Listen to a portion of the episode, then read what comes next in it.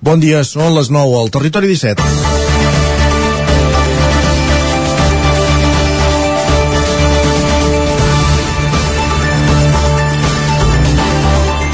Un veí de Girona de 37 anys va morir dissabte a causa d'un despreniment de terra quan treballava en l'execució d'una rasa en una casa de Cànomes i Samalús. L'objectiu de la rasa, en la qual hi treballava també el propietari de la casa i una tercera persona, era impermeabilitzar una paret on hi havia humitats. Segons les primeres informacions dels bombers, no es van prendre totes les mesures de seguretat i quan la rasa ja feia entre 2 i 3 metres, 3 metres de fundària, va cedir la terra i l'home que estava al fons va quedar sepultat. Els bombers van localitzar el cos la, a les 6 de la tarda, ja sense vida i fins a dos quarts d'onze de la nit no van poder-lo treure. La casa afectada és a la urbanització de Cales Mandia, afectada ara ja fa just dos anys pel temporal Glòria. De fet, a les cases del costat, els seus propietaris encara no hi han pogut accedir des del temporal. Avui parlarem amb alguns d'ells a l'entrevista. Alguns veïns vinculen les obres de dissabte i el conseqüent incident amb les aigües subterrànies que hi ha en aquest vessant de la muntanya. Els bombers, però, marquen l'incident exclusivament en les obres. Dilluns 24 de gener, lamentant aquesta víctima, comença el Territori 17 a la sintonia de Ràdio Cardedeu, Ona Codinenca, Ràdio Vic, el 9 FM, el 9 TV i la veu de Sant Joan. Sí, Demà en parlarem, però avui hem de dir, una emissora situada en una comarca del Pirineu, el Ripollès. Nosaltres procurarem no caure en aquell llenguatge administratiu que separa els territoris sense lògica, només a cop d'interessos polítics, pel fet de formar part o no d'una vegueria. Territori 17, amb Isaac Moreno i Jordi Sunyer.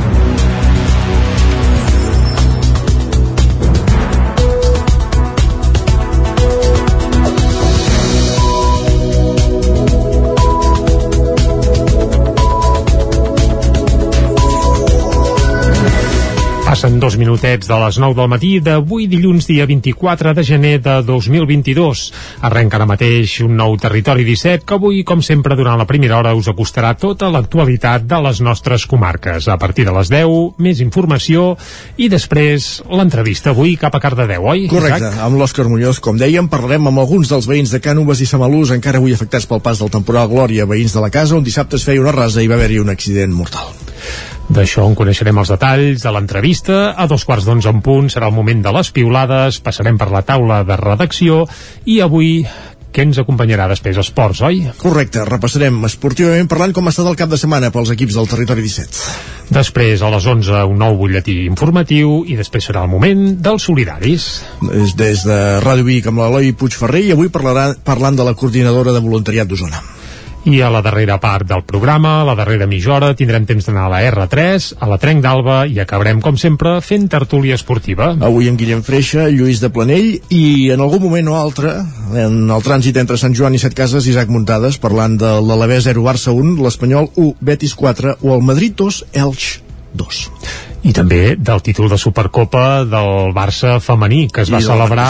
I de la posterior mantejada una jugadora correcte, rival. Uh, tot un exemple de, de lleialtat i bé, i, i, i valors, perquè i valors, ens hem d'enganyar, i valors. Correcte. Això està bé. Doncs va, comencem ara sí, fent com sempre un repàs a l'actualitat de les nostres comarques, les comarques del Ripollès, Osona, el Moianès i el Vallès Oriental.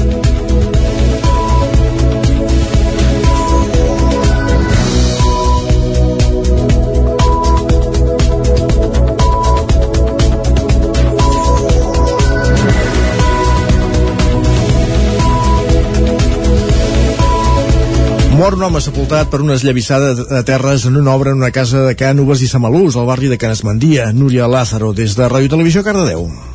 L'home estava entre 2 i 3 metres de fundària quan va haver el desprendiment. La raça s'excavava al subsol en una zona interior sota de la segona planta de la casa, amb l'objectiu de poder impermeabilitzar una paret on hi havia humitats d'aigua. Segons han explicat els bombers en un comunicat dissabte a la nit, cap a les 6 de la tarda s'havia accedit fins al cos i els sanitaris havien confirmat que la víctima havia mort. Les tasques de rescat van ser molt complexes. Es va retirar la terra molt a poc a poc i a la vegada assegurant el terreny per evitar nous desprendiments que poguessin afectar els bombers que hi treballaven. Es va allargar durant 8 hores. Els fets van passar cap a tres quarts d'una del migdia en una casa situada al número 28 de l'avinguda de Calis Mandia. La raça s'excavava sota terra a l'interior de l'habitatge. Hi havia un parell d'operaris més que estaven treballant i que no van patir lesions. Amb tot, van ser assistit per personal de suport psicològic del sistema d'emergències mèdiques. Segons els bombers, els operaris no van assegurar la rasa a mesura que anaven excavant i això va provocar el desprendiment. Els Mossos han obert una investigació sobre els fets que es consideren un accident, però no un accident laboral. L'Ajuntament analitzarà avui si els propietaris de la finca tenien o no llicència d'obres i si hi havia alguna mena d'assessorament tècnic per fer els treballs. La finca on van passar els fets està situada dues portes més amunt d'una de les tres cases d'aquest carrer que es van ensorrar fa tot just dos anys per les fortes pluges del temporal Glòria, tot just dissabte feia dos anys. Gràcies, Núria, per aquest apunt. Més qüestions. L'Ajuntament de Torelló ha decidit ajornar el Carnaval de Terra Endins, que s'havia de celebrar el proper 26 de febrer a causa de la situació actual de pandèmia. La decisió s'ha pres conjuntament amb les entitats organitzadores del Carnaval, que són Acte, els deixebles i el col·lectiu de Pollasso, sense l'opció de suspendre'l sobre la taula. Ara, en cas que les mesures ho permetin i si la situació de la Covid millora, se celebrarà el 26 de març. Per, per valorar les opcions des de l'Ajuntament de Torelló han parlat també amb el Departament Departament de Cultura i amb representants del Procicat. Ciutadans presentarà un recurs contenciós administratiu contra la resolució de l'Ajuntament de Vic de negar-los instal·lar una carpa informativa a la ciutat, tal com també havia demanat la plataforma Escolar de Todos per defensar el compliment de la sentència judicial del 25% del castellà a les escoles. Així ho va anunciar divendres el president del grup parlamentari de Ciudadanos durant una visita a Llampec a la mateixa plaça Major de Vic. Ciutadans va voler fer el gest simbòlic d'instal·lar una carpa per denunciar aquesta situació, però es van quedar pràcticament sols, ja que la plaça estava pràcticament buida. Carrizosa va explicar que els consistents consistori biguetà no els ha deixat fer acció política ni posar-se en contacte amb la ciutadania de la capital. Pel partit, de negar aquesta opció a certs grups és il·legal i insòlid. Diversos membres de Ciutadans van donar suport a Carrizosa, també venint, per exemple, des de Torroella de Montgrí, un municipi on el partit també va presentar un recurs al contenciós per un cas similar al de Vic. Carlos Carrizosa és el president del grup parlamentari de Ciutadans. I nosaltres venim aquí a defensar aquest dret fonamental de la participació política, que té una vessant de partit partit polític i té una vessant des de la perspectiva dels ciutadans. Nosaltres sabem que això ho guanyarem al contenciós administratiu, també ho sap la senyora R, l'alcaldessa, també ho sap, sí que és veritat que això podria ser més fort, podria ser una prevaricació admi administrativa, podria ser una, una conculcació dels drets fonamentals del llibre, però nosaltres ho guanyarem als tribunals el partit taronja també es va queixar que en cap ajuntament de la comarca d'Osona hi uneix la bandera espanyola i va anunciar que de cara a les municipals del 2023 treballaran per fer llistes a totes les poblacions de la comarca on puguin. Carlos Carrizosa. Nosaltres n'estem convençuts de que hi ha un espai polític a Osona per ciutadans i que nosaltres n'estem segurs de que tindrem unes, uns bons resultats a les properes eleccions aquí a la comarca d'Osona. De moment, però, a Osona, Ciutadans no té representació a cap consistori i recordar que aquest succés que va passar amb Ciutadans divendres es va repetir de manera pràcticament idèntica dissabte amb una visita de representants del PP de la qual informarem atentament demà mateix aquí a Territori 17. L'única diferència és que dissabte hi havia més gent perquè hi havia mercat. Exacte. Més qüestions. L'empresa biguetana Proquímia ha estrenat una nova sala blanca que permetrà potenciar la producció que fan del gel hidroalcohòlic en aquest nou espai que va inaugurar dijous el vicepresident de la Generalitat Jordi Puigneró. També s'hi elaboraran cosmètics d'higiene personal i desinfectants per hospitals. El vicepresident Jordi Puigneró va inaugurar dijous la nova sala blanca de Proquímia, que es destinarà a la fabricació de gels hidroalcohòlics, cosmètics d'higiene personal i també desinfectants hospitalaris. Puigneró, a més d'inaugurar la nova sala, també va fer un recorregut pels laboratoris i tota la fàbrica i va posar Proquímia, que aquest any celebra el mig segle de vida, com a exemple del teixit empresarial català. Escoltem a Puigneró. Quan em pregunten què és Catalunya, doncs eh, Catalunya és Proquímia són empreses com Proclímia que al darrere eh, eh, hi ha doncs, una, una tradició emprenedora, una voluntat permanent d'innovació, una resiliència que els catalans tenim, eh, que sabem el que és eh, resistir les crisis, hi ha també, evidentment, doncs una, una voluntat de, territorial. Eh? Aquesta és una empresa que, que ha nascut en aquí i continua aquí. Eh? No ha tingut voluntat de marxar a algun altre lloc i per tant crec que això també és de, és de valorar Puigneró també va lluar el caràcter emprenedor de la família Unyós, fundadors i propietaris de Proquímia. L'alcaldessa de Vic, Anna R, en la mateixa línia, també va destacar el tarannà de l'empresa bigatana. Escoltem a Anna R. Sou una empresa valenta perquè sempre ho diu en Josep Maria que d'una família d'advocats sortir un químic no? i ser capaç doncs, de crear aquesta empresa demostra doncs, aquesta valentia de voler crear doncs, una empresa que donés eh, visibilitat doncs, al que és un producte que en aquell moment calia. Visibilitat a una empresa biguetana que ha anat agafant força i és reconeguda doncs, a tot el món. I visibilitat d'una manera de fer de constantment innovar-se i com diuen ells amb cada crisi han intentat millorar per obrir aquesta nova línia de producció, la multinacional bigatana ha invertit un milió i mig d'euros. La nova sala té capacitat per produir 3.000 tones de producte anuals, el que suposa un 10% de la producció de tota la planta. L'Ajuntament de Ripoll destina més de 66.000 euros per subvencions a empreses i autònoms durant el 2021. Isaac Muntades, des de la veu de Sant Joan. Durant l'any 2021, l'Ajuntament de Ripoll ha atorgat un total de 66.200 euros en subvencions a empreses i autònoms. D'aquest import s'han destinat 58.000 1.700 euros per bonificar empreses i autònoms que estiguessin emmarcades en les tres línies aprovades per a l'atorgament de subvencions dins de les ordenances fiscals. Bàsicament es tracta dels ajuts pel foment d'activitats econòmiques, per ampliacions i implantacions d'empreses a la vila, pel pla de dinamització comercial per a aquells que impulsin la implantació d'una nova activitat comercial o que la millorin i pels joves emprenedors que n'iniciïn una de nova. Les ordenances fiscals subvencionen impostos i taxes municipals que poden arribar fins al 90% sobre l'impost de construccions, l'ICO, el 100% sobre la taxa de llicència d'obertura d'establiments, a banda que se subvenciona durant els primers 4 anys l'impost de béns immobles, l'IBI i l'impost d'activitats econòmiques conegut com l'IAE. En els últims 5 anys el consistori Ripollès ha destinat més de 300.000 euros en subvencions per a aquest fi. Durant l'any passat l'Ajuntament també va concedir 7.500 euros en subvencions per a aquelles empreses o autònoms que hagin creat o implantat una start-up al municipi, és a dir, una empresa emergent de base tecnològica i en subvencions a empreses també en base tecnològica que hagin contractat serveis d'innovació o proveïdors externs amb l'objectiu de millorar els seus productes, serveis, processos i models de negoci, coneguts com a Innovons. Aquestes bases van ser aprovades per l'Ajuntament de Ripoll ara fa un parell d'anys i subvencionen amb fins a 2.500 euros per la totalitat dels conceptes especificats. Des de llavors s'han donat 12.500 euros. El regidor de Serveis Econòmics, Josep Maria Creixans, va detallar noves subvencions per a empreses de cara a aquest 2022 al darrer ple de pressupostos del consistori. En quant a economia i ocupació, és un dels eixos prioritaris en aquest pressupost i es continua amb les accions de dinamització i suport al sector comercial i turístic, amb la captació de noves empreses per a la seva implementació al nostre municipi, mantenint les subvencions fiscals i creant noves subvencions per a empreses com pot ser per la instal·lació d'autoconsum fotovoltaic.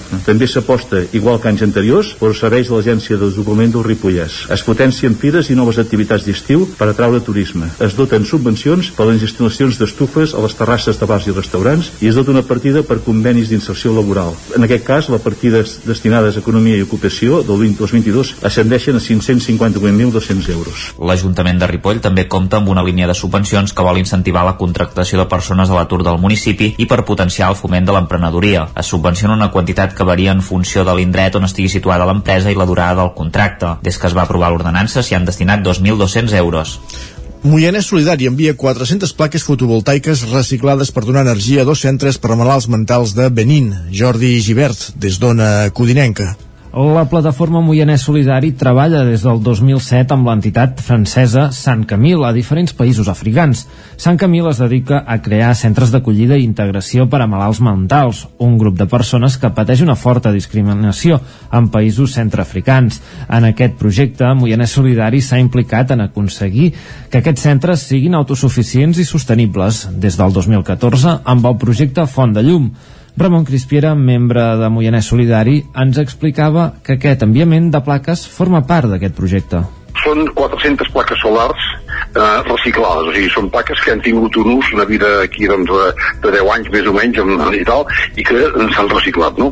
Llavors nosaltres eh, teníem un projecte de Benin, que era doncs, un centre de la Sant Camí, un centre de població que es diu DASA, un centre de malalts mentals, però que aquests estan lligats a problemes de, de toxicomonia, és un centre nou que s'està muntant molt gran, molt important, i estàvem fent això. De fet, l'enviament de plaques ha estat el doble de gran del que tenien pensat gràcies a una donació d'última hora de l'empresa alimentària Noel, de la Garrotxa, que ha donat a l'entitat 200 plaques més. I ens van dir que ens van parlar del tema i que com que ells també volien doncs, eh, per la seva responsabilitat social doncs, corporativa i tot plegat que aquestes plaques tinguessin un altre ús si pogués ser un ús doncs, eh, benèfic o solidari, vam fer el, el tema de que doncs, podíem fer a càrrec aquestes plaques, nosaltres necessitàvem 200 per, per, que, per enviar-les per completar aquest, per fer aquest enviament perquè poguessin electrificar com a mínim dos centres més. El cost de l'enviament de les plaques ha estat més car del previst per l'augment dels costos del transport marítim. En total, el projecte ha costat 12.000 euros i part del finançament l'han aportat els ajuntaments de Calders i Castellcí. L'escriptor usonenc Ferran Garcia acaba de publicar la seva tercera novel·la que ambienta a la comarca. Es titula Guilleries i posa en el marc de les guerres carlines de finals del segle XIX. I el protagonista de la novel·la és en Boi, un jove que s'haurà de separar de la seva família i fugir dels pistols que circulen per la plana de Vic. Ferran Garcia parlava de la novel·la en el darrer quatre paraules del Nou TV. L'escoltem. Tenia moltes ganes de fer d'escriure i situar-lo aquí uh, és d'on soc, és d'on visc és on he viscut la major part de la meva vida és el que veig cada dia, és el que respiro cada dia és el que toco cada dia um, és el que veig, veig els paisatges és per on camino. Aleshores em, era, era una, una mena de necessitat vital que passés gairebé íntegrament, íntegrament aquí. És, és com el meu jo el geogràfic. Comença a desenvolupar-se tot el, el que vindrà. Les vies del ferrocarril la indústria tèxtil de Manlleu i d'altres zones comença a, a les carreteres com a tal els primers automòbils les ciutats comencen a créixer, Vic comença a créixer, els pobles comencen a canviar, bueno, és un món que s'acaba, una mena de crepuscle, i un món que comença i aleshores els personatges viuen en aquest trànsit Guilleries l'ha publicat l'editorial Males Herbes i, i, i tindrà una versió en castellà publicada per l'editorial La Fuga amb el títol de, què diries, Isaac? En català es diu Guilleries, en Guilleri castellà... Guilleries. Doncs no, en castellà es dirà Maleza. Carai. Ves per on. L'endolorisme. fi. Molt bé. Molt bé. Un últim apunt de trànsit abans d'anar al temps, i és que un accident talla aquesta hora, a Lliçà, un accident a la C-17 a Lliçà de Vall talla un carril en sentit Barcelona i provoca aturades de 4 quilòmetres des de Canovelles. Doncs que els que aneu cap a Barcelona per la C-17 tingueu en compte aquí aquesta aturada o aquest tall d'un carril i les conseqüents aturades a l'altura de la C-17 a Lliçà. Ara sí, moment d'anar pel temps després de fer aquest repàs informatiu que començàvem a les 9 en companyia de Jordi Sunyer, Núria Lázaro, Jordi Givert i Isaac Muntades. I ja ho sabeu, com cada dia al Territori 17, parlar del temps és parlar d'en Pep Acosta.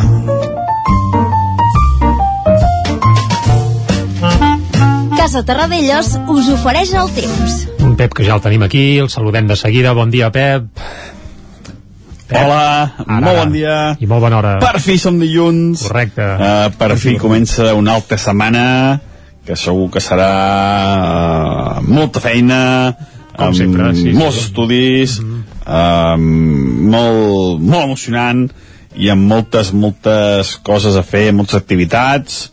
Doncs això, eh, per fi comença aquesta nova setmana i pel que fa al temps uh, no hi ha canvis, eh? Uh, estic, he mirat mapes tot cap de setmana uh, intentant veure algun canvi, alguna cosa uh, que pugui fer canviar aquesta situació meteorològica que tenim des de principis d'any però és que no, no se'n veuen eh? no, no hi ha indicis d'un canvi de situació meteorològica no hi ha indicis de pluja Uh, no sé, no sé uh, haurem de començar a mirar estadístiques uh, dels últims anys dels anticiclons que han durat més dies, més setmanes i segur que aquest que tenim ara um, comença a estar entre els que més dies ha durat uh, perquè és que ja fa molts, molts dies que parlo de la mateixa situació meteorològica eh? uh, insisteixo, és bastant normal al gener Uh, però els últims anys no, no ha estat normal uh, sense anar massa lluny. Uh, fa dos anys hi va haver temporada glòria ara aquestes dates en ple, en ple gener.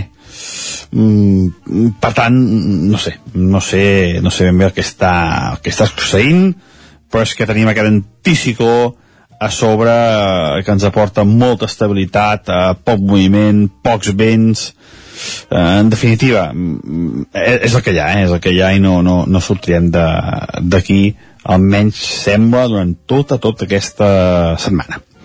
Però bueno, eh, les temperatures són baixes de nit, eh, aquest cap de setmana també ha estat eh, molt interessant per la gent que li agrada el, el turisme de gel, entre cometes, ètic turisme de gel.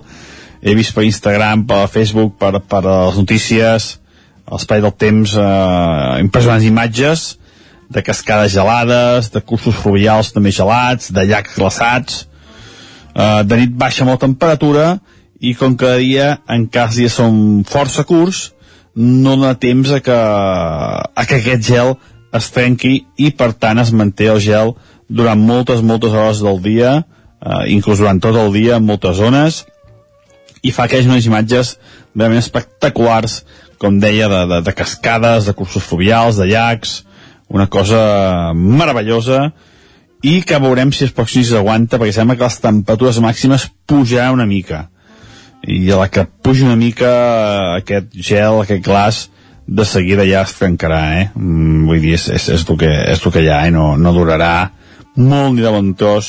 Aquest glaç, a més, els dies es van allargant i, i, i entre cometes, eh, cada vegada fa una mica més de calor, eh? eh és, és també el que, el que hi ha. I, i això, avui, un, dia amb unes temperatures comencen baixes, la majoria entre 0 i 5 sota 0 de mínima, eh, a les poblacions, eh, però bueno, molt de sol, eh, no moltes boires, no són molt intenses les boires, m'està sorprenent una mica això, pensava que l'anticicló deixaria unes boires molt, molt intenses i extenses, i no, no està succeint, mm, potser és més típic de novembre i desembre que ja no, que no gener ja, uh, però bueno, jo pensava que serien boires molt més intenses i no, no, no n'està deixant gaires, uh, com deia, molt de sol, molta tranquil·litat i gairebé cap núvol durant tot el dia d'avui. Les temperatures màximes entre els 12 i els 15 graus la majoria. Vaja, un temps molt semblant a aquest niu del cap de setmana, eh? que ha estat un cap de setmana anticicló i de molta, molta tranquil·litat. I això és tot. Adéu, bon dia. Bon dia, Pep. Exacte, molt bon dia, que vagi molt bé. I treu el cap dels mapes i surt una estona, home. Vas passar el cap de setmana mirant mapes, home, no. Fes alguna més productiu, que els mapes no es mouen, ja ho veus. Sí, n'hi ha per dies. El Va. que sí que es mou és la, la premsa, les portades, ara hi anirem. Va. Cap al quiosc. Casa Tarradellas us ha ofert aquest espai. Doncs anem a saber què diuen les portades dels diaris que surten avui als quioscos, com cada dilluns i com cada divendres. Jordi, comencem pel 9-9. Correcte. avui és dilluns, comencem pel 9-9 d'Osona i el Ripollès, que obre explicant que la Generalitat completarà finalment l'eix del Lluçanès, que connecta, diguem-ne, uh, Vic amb Berga. Exacte. Exacte. I ara es farà la variant de Sagàs. Hi ha un únic punt, si heu circulat per aquesta variant, on, bé, on sembla que estiguem per una carretera rural, doncs sembla que la previsió és que a finals del 2020 2023 comencin les obres amb un traçat una mica diferent a l'actual, valdran 8 milions d'euros i aquest cap de setmana es va anunciar que això ja s'hi posa fil a l'agulla. Ho va fer Jordi Puigneró amb una visita que va fer precisament a Prats. Lluçanès, a Prats. Més coses. La fotografia per la visita de Pere Aragonès a Vic aquest cap de setmana i també per la visita que hi van fer a representants del PP a Vic i el titular Vic, centre del debat pel català a l'escola.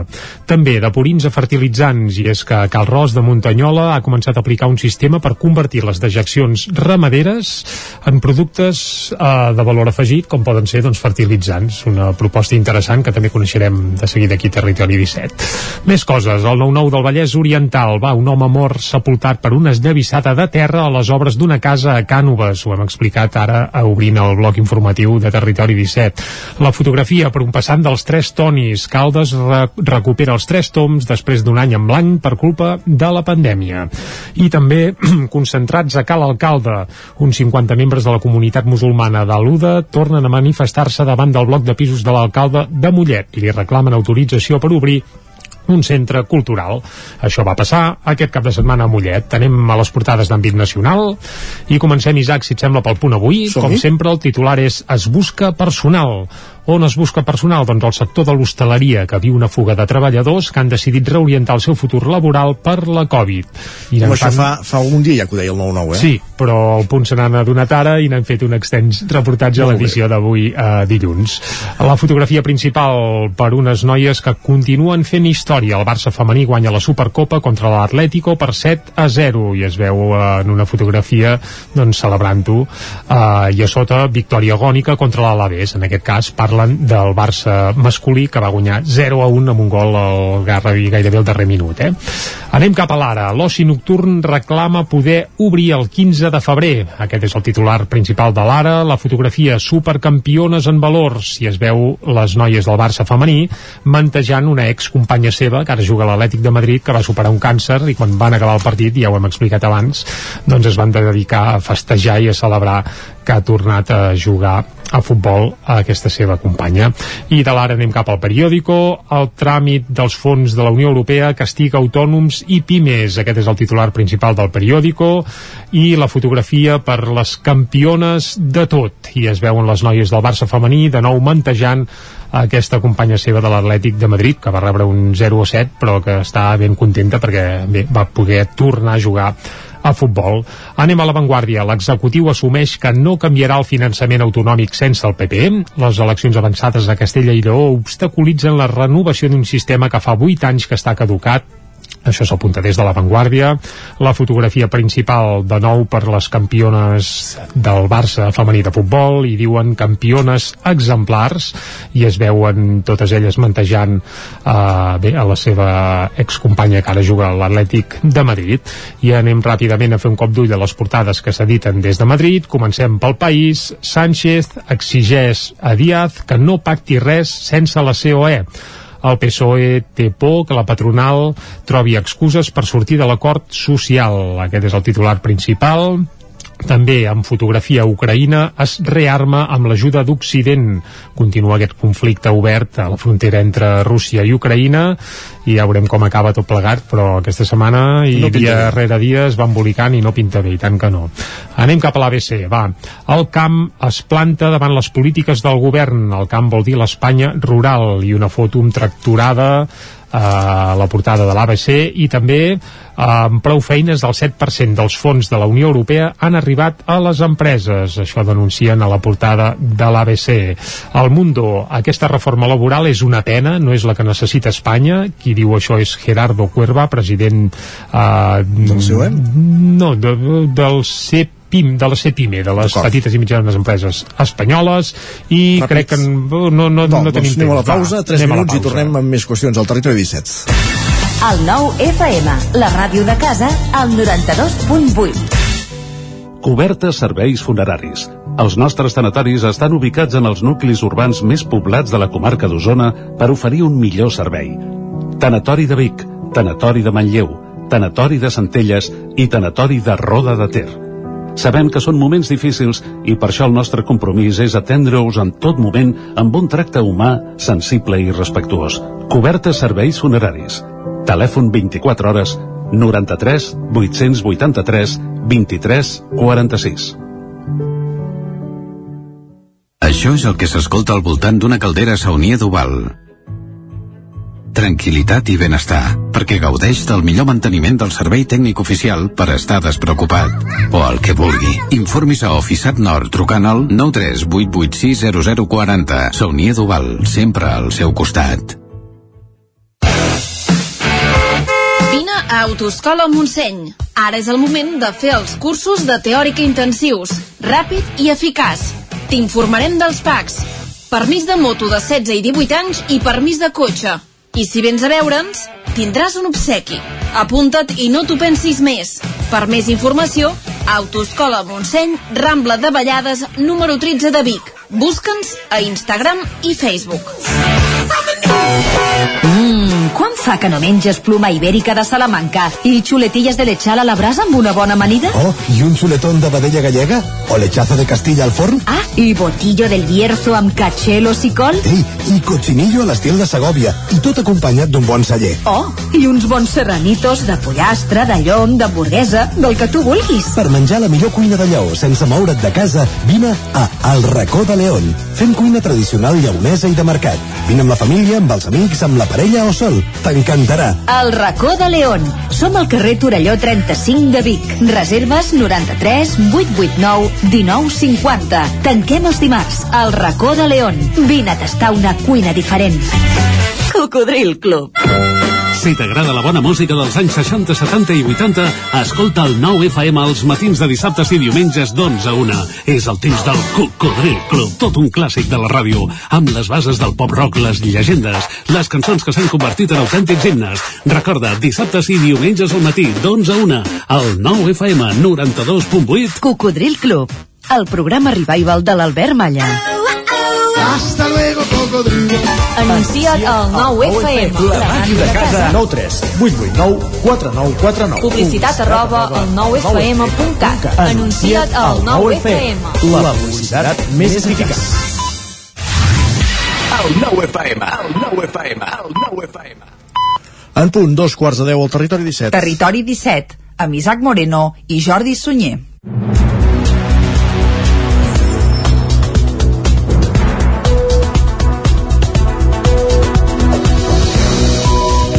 I a dos quarts en punt de 10 del matí és el moment d'acostar-vos de nou tota l'actualitat de casa nostra. Abans, però, ja us avancem una mica el menú que tindrem fins al punt de les 12 del migdia. Abans de les 10 hi posarem una mica de música. Avui des de les Terres de l'Ebre, però amb accent usonenc. Ja descobrirem per què. Uh, però serà alegre. Serà Molt alegre bé. i desenfadat, que ja fa falta. Que Doncs aquests va, dies són una mica moixos. Va, més coses. A les 10 més informació, actualitzarem butlletí informatiu i després a l'entrevista anirem cap a Cànoves i Samalús. Correcte, amb l'Òscar Muñoz des de Ràdio Televisió Cardedeu parlarem amb aquests veïns afectats per, encara pel temporal Glòria dos anys després i no, no poden tornar a casa. A dos quarts d'onze serà el moment que ens visitin Guillem Sánchez amb les piulades, després anirem a la taula de redacció i tot seguit parlarem d'esports. Farem el repàs esportiu amb la ronda per totes les emissores del territori 17 per conèixer què han fet els equips de les nostres comarques aquest cap de setmana. A les 11 tornarem a actualitzar butlletins informatius i després tocarà els solidaris. Amb l'Eloi Puigferrer des de Ràdio Vic i avui parlant de la coordinadora de Solidaritat d'Osona. Del voluntariat d'Osona. Del voluntariat, I perdó. tant que sí, a la darrera mitja hora va, serà el moment de pujar a la R3, com cada dia, a la Trenc d'Alba, i avui, com que és dilluns, acabarem fent tertúlia esportiva. I parlant dels resultats del cap de setmana, del 7 a 0 a la final de la Supercopa del Barça davant l'Atlètic de Madrid, però també de la Lliga de Futbol masculina, amb aquests Alavés 0, Barça 1, Espanyol 1, Betis 4 i Madrid 2, Elx 2. Això serà la part final d'un programa que ara segueix acostant-vos, com sempre, de nou l'actualitat de casa nostra, l'actualitat de les comarques del Ripollès, Osona, el Moianès i el Vallès Oriental. Mor un home sepultat per una esllavissada de terres en una obra en una casa de Cànoves i Samalús, al barri de Canesmandia. Núria Lázaro, des de Ràdio Televisió Cardedeu. L'home estava entre 2 i 3 metres de fundària quan va haver el desprendiment.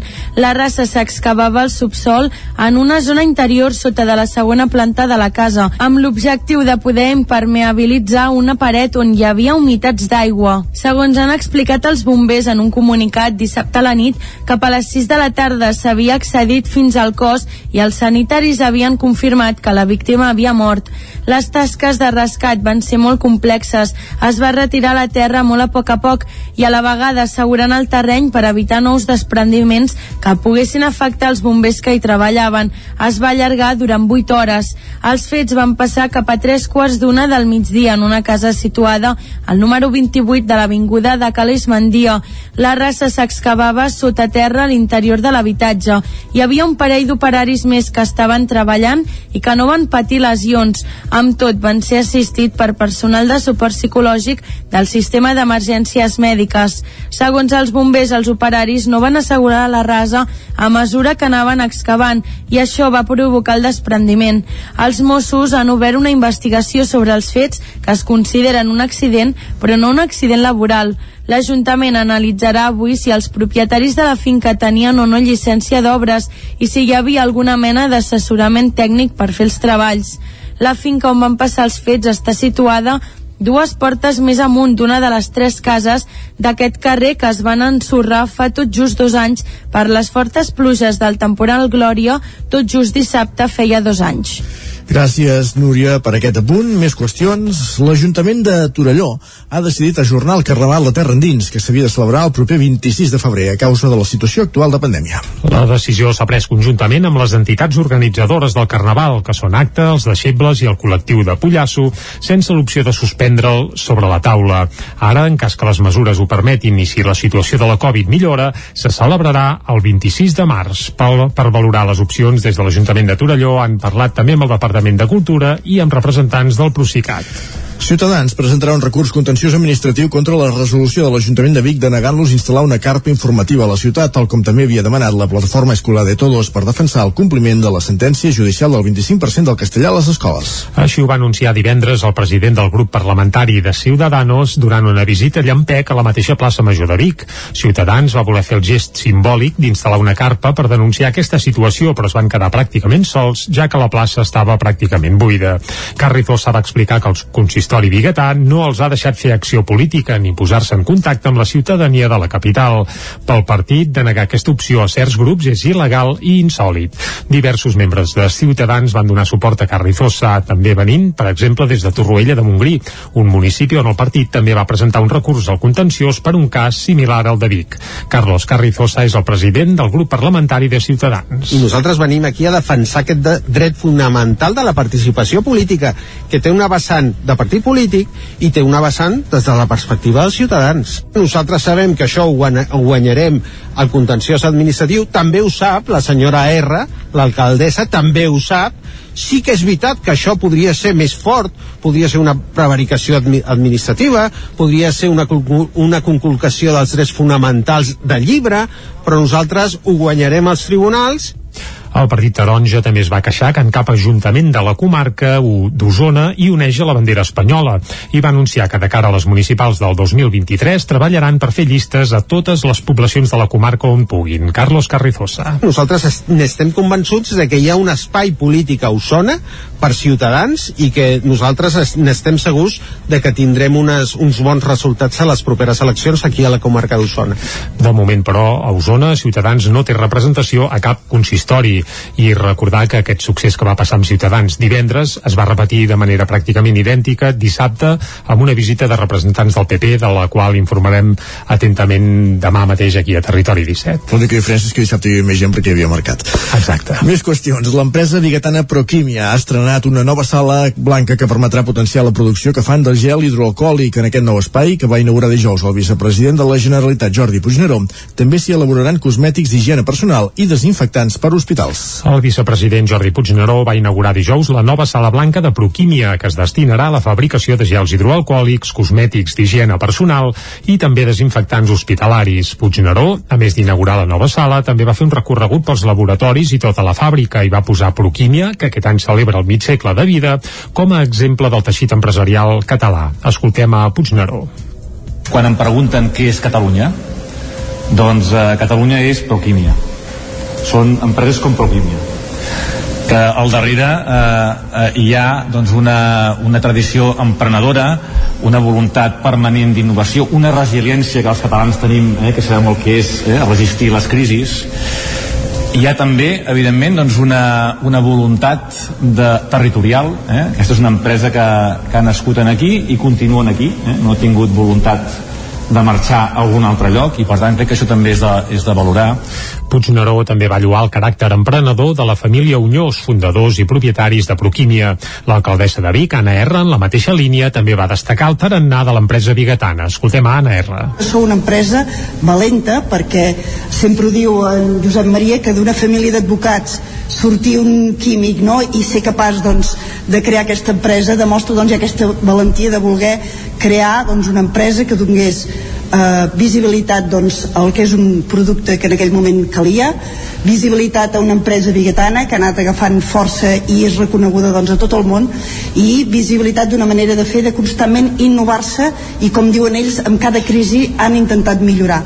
Per obrir aquesta nova línia de producció, la multinacional bigatana ha invertit un milió i mig d'euros. La nova sala té capacitat per produir 3.000 tones de producte anuals, el que suposa un 10% de la producció de tota la planta. L'Ajuntament de Ripoll destina més de 66.000 euros per subvencions a empreses i autònoms durant el 2021. Isaac Muntades, des de la veu de Sant Joan. Durant l'any 2021, l'Ajuntament de Ripoll ha atorgat un total de 66.200 euros en subvencions a empreses i autònoms. D'aquest import s'han destinat 58.700 euros per bonificar empreses i autònoms que estiguessin emmarcades en les tres línies aprovades per a l'atorgament de subvencions dins de les ordenances fiscals. Bàsicament es tracta dels ajuts pel foment d'activitats econòmiques, per ampliacions i implantacions d'empreses a la vila, pel pla de dinamització comercial per a aquells que impulsin la implantació d'una nova activitat comercial o que la millorin i pels joves emprenedors que n'iniciïn una de nova. Les ordenances fiscals subvencionen impostos i taxes municipals que poden arribar fins al 90% sobre l'impost de construccions, l'ICO, el 100% sobre la taxa de llicència d'obertura d'establiments, a banda que se subvenciona durant els primers 4 anys l'impost de béns immobles, l'IBI i l'impost d'activitats econòmiques conegut com l'IAE. En els últims 5 anys el consistori ripollès ha destinat més de 300.000 euros en subvencions per a aquest fi. Durant l'any passat l'Ajuntament també va concedir 7.500 euros en subvencions per a aquelles empreses autònoms que hagin creat o implantat una start-up al municipi, és a dir, una empresa emergent de base tecnològica i en subvencions a empreses també en base tecnològica que hagin contractat serveis d'innovació o proveïdors externs amb l'objectiu de millorar els seus productes, serveis, processos i models de negoci, coneguts com a Innovons. Aquestes bases van ser aprovades per l'Ajuntament de Ripoll ara fa un parell d'anys i subvencionen en fins a 2.500 euros per la totalitat dels conceptes especificats. Des de llavors s'han donat 12.500 euros. El regidor de Serveis Econòmics, Josep Maria Creixans, va detallar noves subvencions per a empreses de cara a aquest 2022 al darrer ple de pressupostos del consistori. En quant a economia i ocupació, és un dels eixos prioritaris en aquest pressupost i es continua amb les accions de dinamització i suport al sector comercial i turístic, amb la captació de noves empreses per a la seva implementació al nostre municipi, mantenint les subvencions fiscals i creant noves subvencions per a empreses com pot ser per la instal·lació d'autoconsum fotovoltaic. També s'aposta, igual que anys anteriors, per serveis de l'Agència de Desenvolupament del Ripollès. Es potencien fires i noves activitats d'estiu per atraure turisme. Es doten subvencions per a les instal·lacions d'estufes a les terrasses de bars i restaurants i es dota una partida per convenis d'inserció laboral. En aquest cas, les partides destinades a economia i ocupació del 2022 ascendeixen a 558.200 euros. L'Ajuntament de Ripoll també compta amb una línia de subvencions que vol incentivar la contractació de persones a l'atur del municipi i per potenciar el foment de l'emprenedoria. Es subvenciona una quantitat que varia en funció de l'indret on estigui situada l'empresa i la durada del contracte. Des que es va aprovar l'ordenança s'hi han destinat 2.200 euros.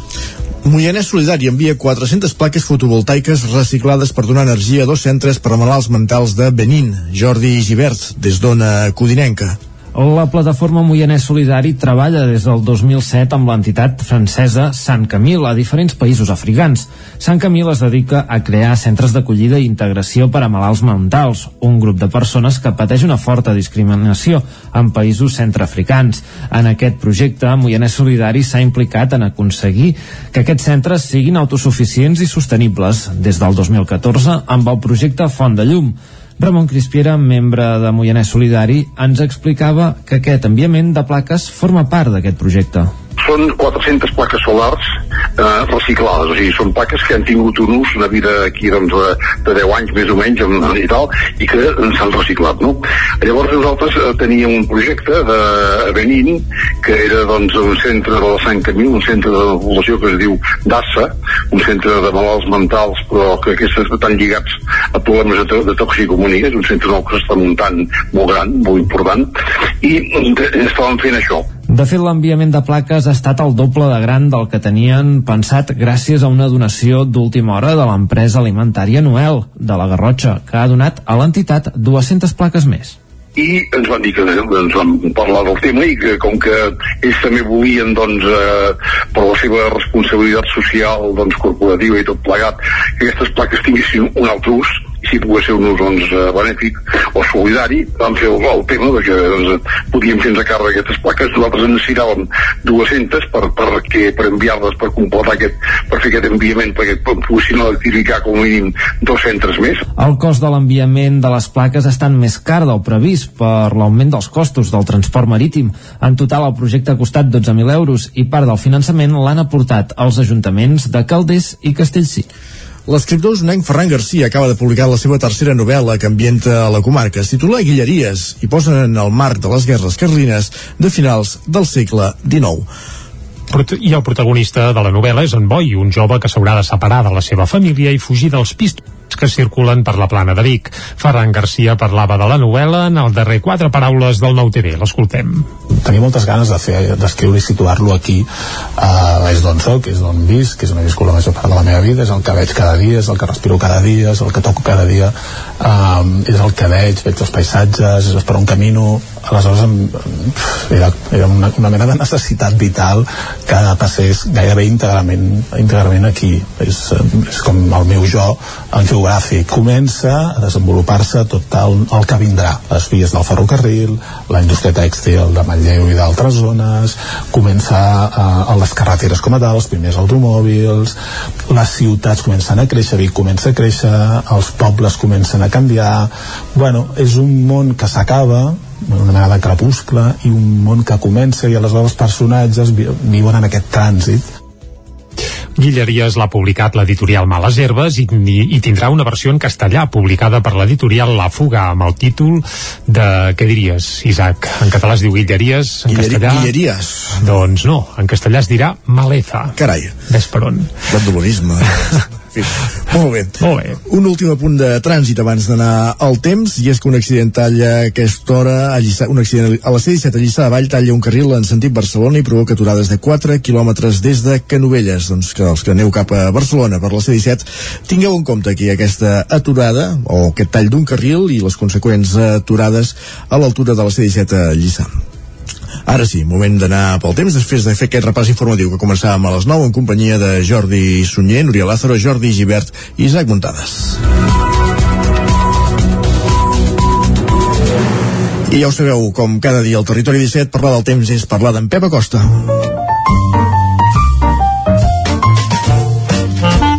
Casa Terradellos us ofereix el temps. Un Pep que ja el tenim aquí, el saludem de seguida. Bon dia, Pep.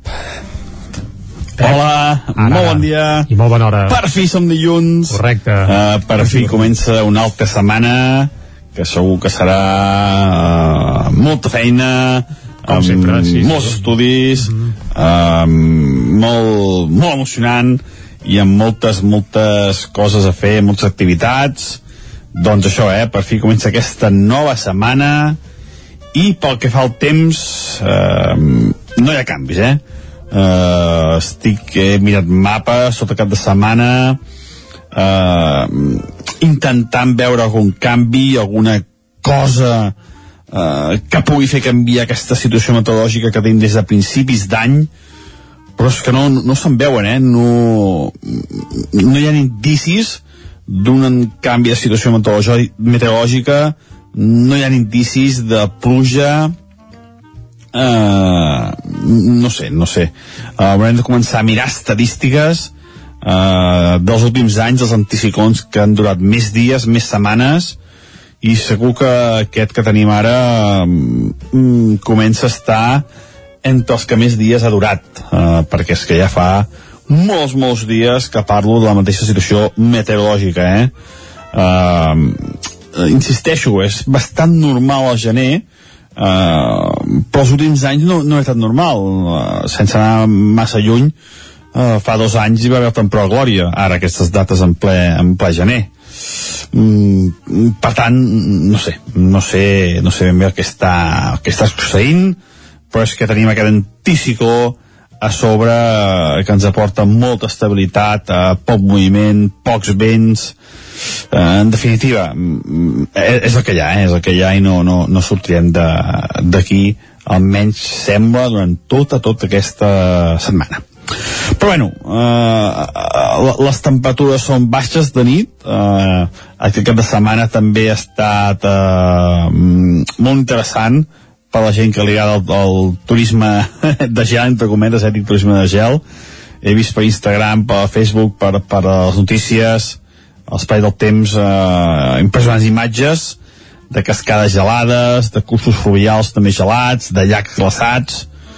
Eh, de nit baixa molt temperatura i com cada dia, en cas dies són força curts, no dona temps a que, a que aquest gel es trenqui i per tant es manté el gel durant moltes, moltes hores del dia, eh, inclús durant tot el dia en moltes zones, i fa que hi hagi unes imatges realment espectaculars, com deia, de, de, de cascades, de cursos fluvials, de llacs, una cosa meravellosa, i que veurem si els pròxims aguanta, perquè sembla que les temperatures màximes pujaran una mica. I a la que puja una mica aquest gel, aquest glaç, de seguida ja es trencarà, eh? Mm, vull dir, és, és, és, el que, és el que hi ha, eh? No, no durarà molt ni de bon tros. Aquest glaç, a més, els dies van allargant i, i, i entre cometes, eh, cada vegada fa una mica més de calor, eh? eh és, és també el que, el que hi ha. I, i això, avui, un, dia amb unes temperatures comencen baixes, la majoria entre 0 i 5 sota 0 de mínima, eh, a les poblacions, eh, però bueno, molt de sol, eh, no moltes boires, no són molt intenses les boires, m'està sorprenent una mica això, pensava que l'anticicló deixaria unes boires molt, molt intenses i extenses, i no, no està succeint. Mm, potser és més típic de novembre i desembre que ja no, que no gener ja. Uh, però bueno, jo pensava que serien boires molt més intenses i no, no, no està deixant gaires. Uh, com deia molt de sol, molta tranquil·litat i gairebé cap núvol durant tot el dia d'avui. Les temperatures màximes entre els 12 i els 15 graus la majoria. Vaja, un temps molt semblant a aquest diu del cap de setmana, eh? que ha estat un cap de setmana anticicló i de molta, molta tranquil·litat. I això és tot. Adéu, bon dia. Bon dia, Pep. Exacte, molt bon dia, que vagi molt bé. I treu el cap dels mapes i surt una estona, home. Vas passar el cap de setmana mirant mapes, home, no. Fes alguna més productiu, que els mapes no es mouen, ja ho veus. Sí, n'hi ha per dies. El que sí que es mou és la, la premsa, les portades, ara hi anirem. Va. Cap al quiosc. Casa Tarradellas us ha ofert aquest espai. Doncs anem a saber què diuen les portades dels diaris que surten avui als quioscos, com cada dilluns i com cada divendres. Jordi, comencem pel 9-9. Correcte. Avui és dilluns, comencem pel 9-9 d'Osona i el Ripollès, que obre explicant que la Generalitat completarà finalment l'eix del Lluçanès, que connecta, diguem-ne, bé, uh, Vic amb Berga. Exacte. Exacte. I ara es farà la variant de Sagàs. Hi ha un únic punt, si heu circulat per aquesta variant, on, bé, on sembla que estiguem per una carretera rural, doncs sembla que la previsió és que a finals del 2023 comencin les obres amb un traçat una mica diferent a l'actual, valdran 8 milions d'euros i aquest cap de setmana es va anunciar que això ja s'hi posa fil a l'agulla. Ho va fer Jordi Puigneró amb una visita que va fer precisament a Lluçanès, a Prats. Més coses. La fotografia per la visita de Pere Aragonès a Vic aquest cap de setmana i també per la visita que hi van fer a representants del PP a Vic i el titular Vic, centre del debat pel català a l'escola. També de purins a fertilitzants i és que Cal Ros de Muntanyola ha començat a aplicar un sistema per convertir les dejeccions ramaderes en productes eh, de valor afegit com poden ser doncs, fertilitzants. Una proposta interessant que també coneixerem de seguida aquí a Territori 17. Més coses. El 9-9 del Vallès Oriental va un home mort sepultat per una esllavissada de terra a les obres d'una casa a Cànoves. Ho hem explicat ara obrint el bloc informatiu de Territori 17. La fotografia per un passant dels tres tonis. Caldes re recupera els tres toms després d'un any en blanc per culpa de la pandèmia. I també concentrats a Cal Alcalde. Uns 50 membres de la comunitat musulmana d'Aluda tornen a manifestar-se davant del bloc de pisos de l'alcalde de Mollet. Li reclamen autorització per obrir un centre cultural. Això va passar aquest cap de setmana a Mollet. Anem a les portades d'àmbit nacional i comencem, Isaac, si et sembla, pel punt avui. Com sempre, el titular és Es busca personal. On es busca personal? Doncs el sector de l'hostaleria, que viu una fuga de treballadors que han decidit reorientar el seu futur laboral per la Covid.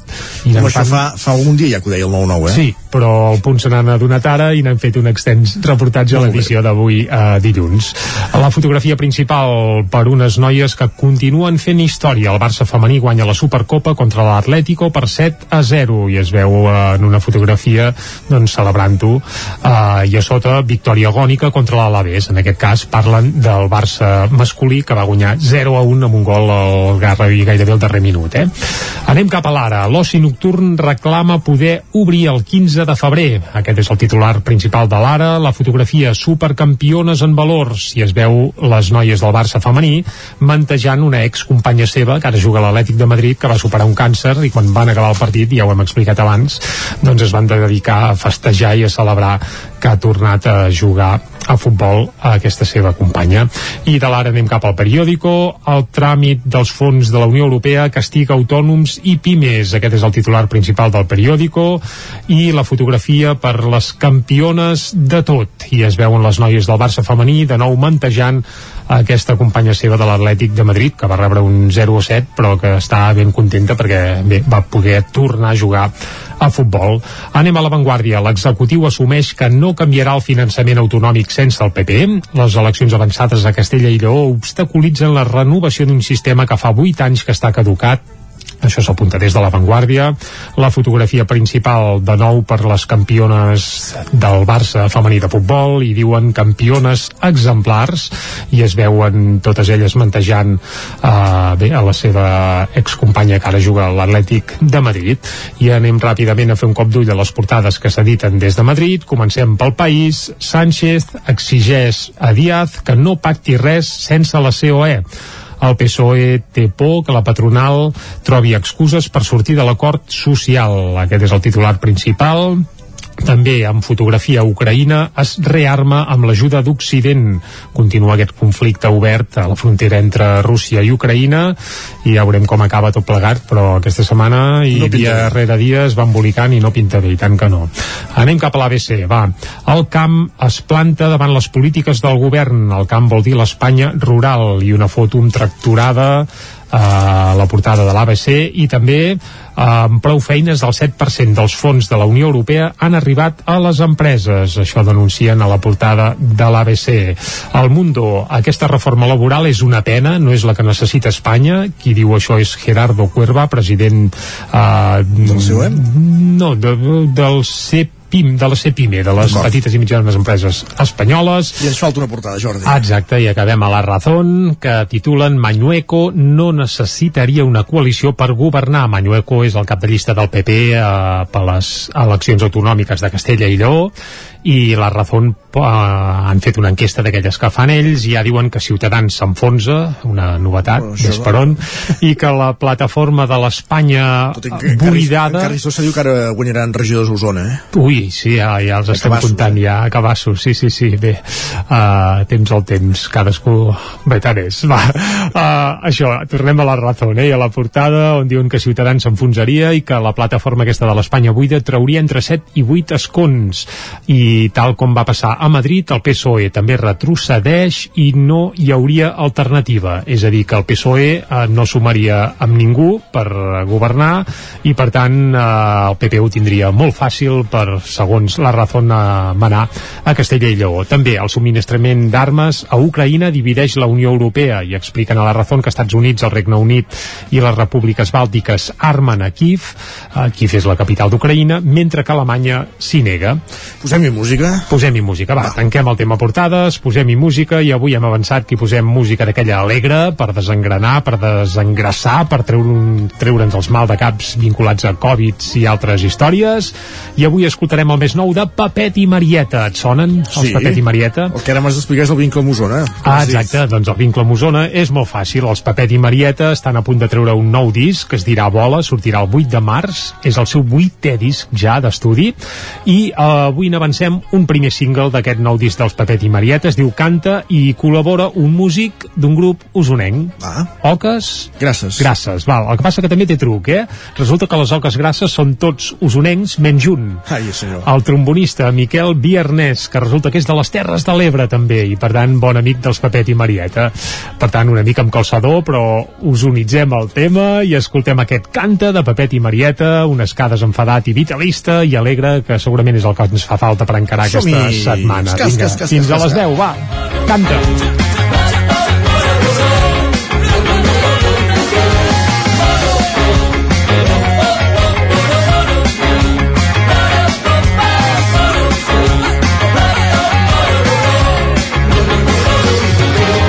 Puja de la bici que no n'anem a cantar.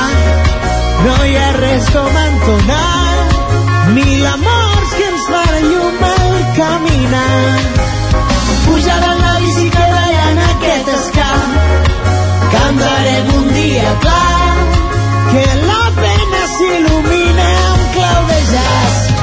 El món apreta, plora la tristor, però jo sé donar-li l'esquena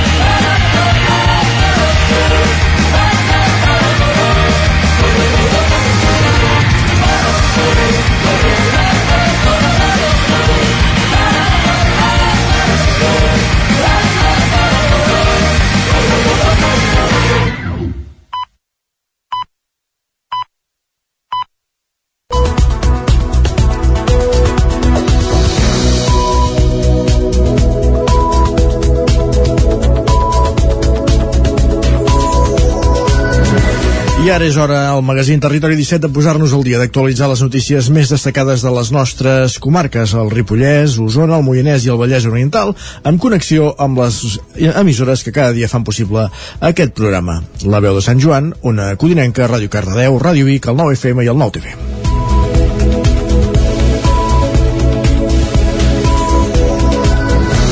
La policia local de Cardedeu deté dues persones acusades de robar material informàtic d'una nau del carrer Sardana. Una d'elles es va accidentar dissabte fugint de la policia i l'altra va aconseguir fugir travessant la calçada de l'AP7.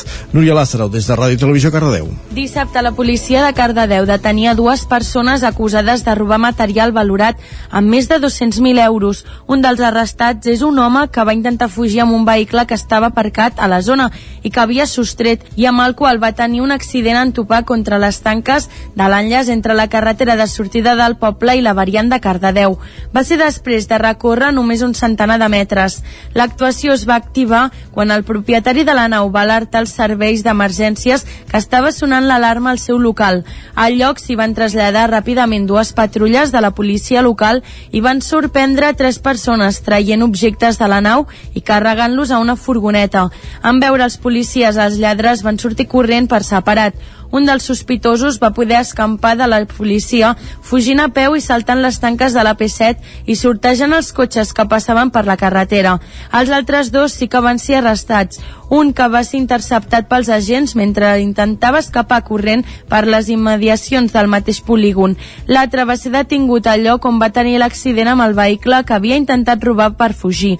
Després dels fets, la policia local va detectar que la furgoneta on els assaltants van carregar els objectes presentava signes d'haver estat sostreta, tot i que encara no se n'havia denunciat el robatori. La policia local ha traslladat l'atestat als Mossos d'Esquadra de la comissària de Granollers, que es faran càrrec de la investigació per localitzar el tercer home que va fugir o poder relacionar els arrestats amb altres fets. Gràcies, Núria. No marxem gaire lluny. Continuem al Vallès Oriental perquè ha començat la segona fase de les obres de construcció del pas soterrat de la C59 per accedir al cementiri de Caldes de Montbui. Amb l'inici de la segona fase es recupera l'accés a la C59 pel carrer de Vigues. Jordi Givert, des d'Ona Codinenca. Les obres del nou pas soterrat de la C59 està previst que acabin al maig. Ara, amb l'inici de la segona fase, que ha de permetre concloure la construcció d'aquest nou vial, arriba amb diverses implicacions en la circulació. Des de divendres, el trànsit de la C59 per un nou traçat ja passa per sobre del tram del pas soterrat que s'ha construït.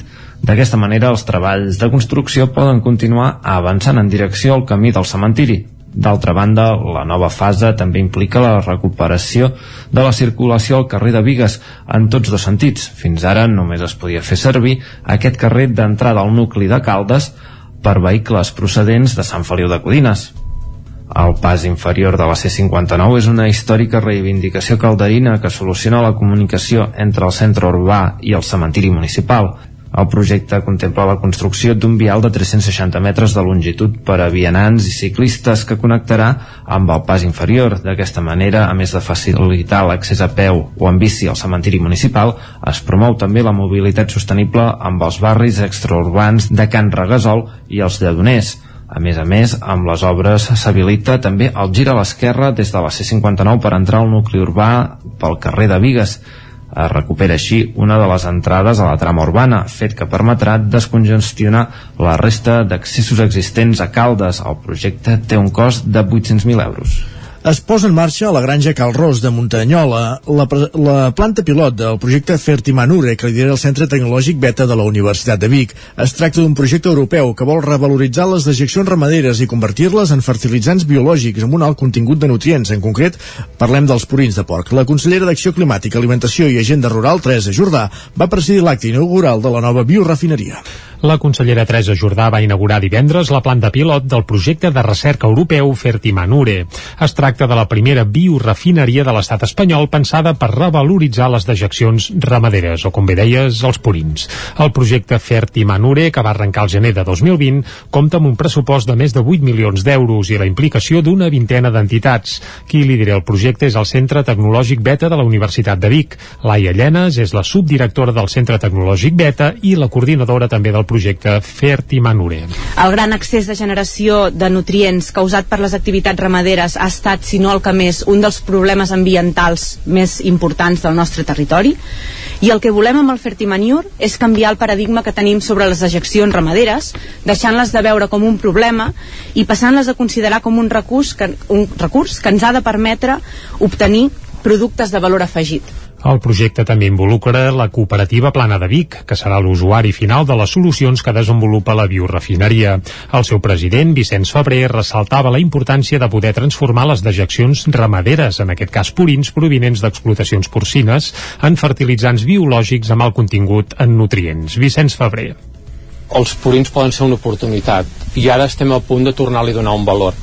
I això ha de servir per desestigmatitzar eh, la producció ramadera perquè la gent que ha treballat bé i ha fet les coses bé eh, no ha creat un problema per la seva banda, Teresa Jordà va destacar la importància de fer compatible la sostenibilitat ambiental amb la social. L'escoltem. De fet, des del departament ens fa també una especial il·lusió, deixeu-m'ho dir així, perquè és una iniciativa que va molt lligada, extre extremadament lligada, de fet, el Centre Beta ja va lligat també en aquest sentit amb la nostra estratègia de bioeconomia, amb aquest horitzó 2030 i a les propostes presentades també pel departament que tinc l'honor d'encapçalar a la inauguració del projecte, bé, volem dir la inauguració del projecte va acabar amb una visita guiada a les instal·lacions de la planta per part de l'equip investit projecte.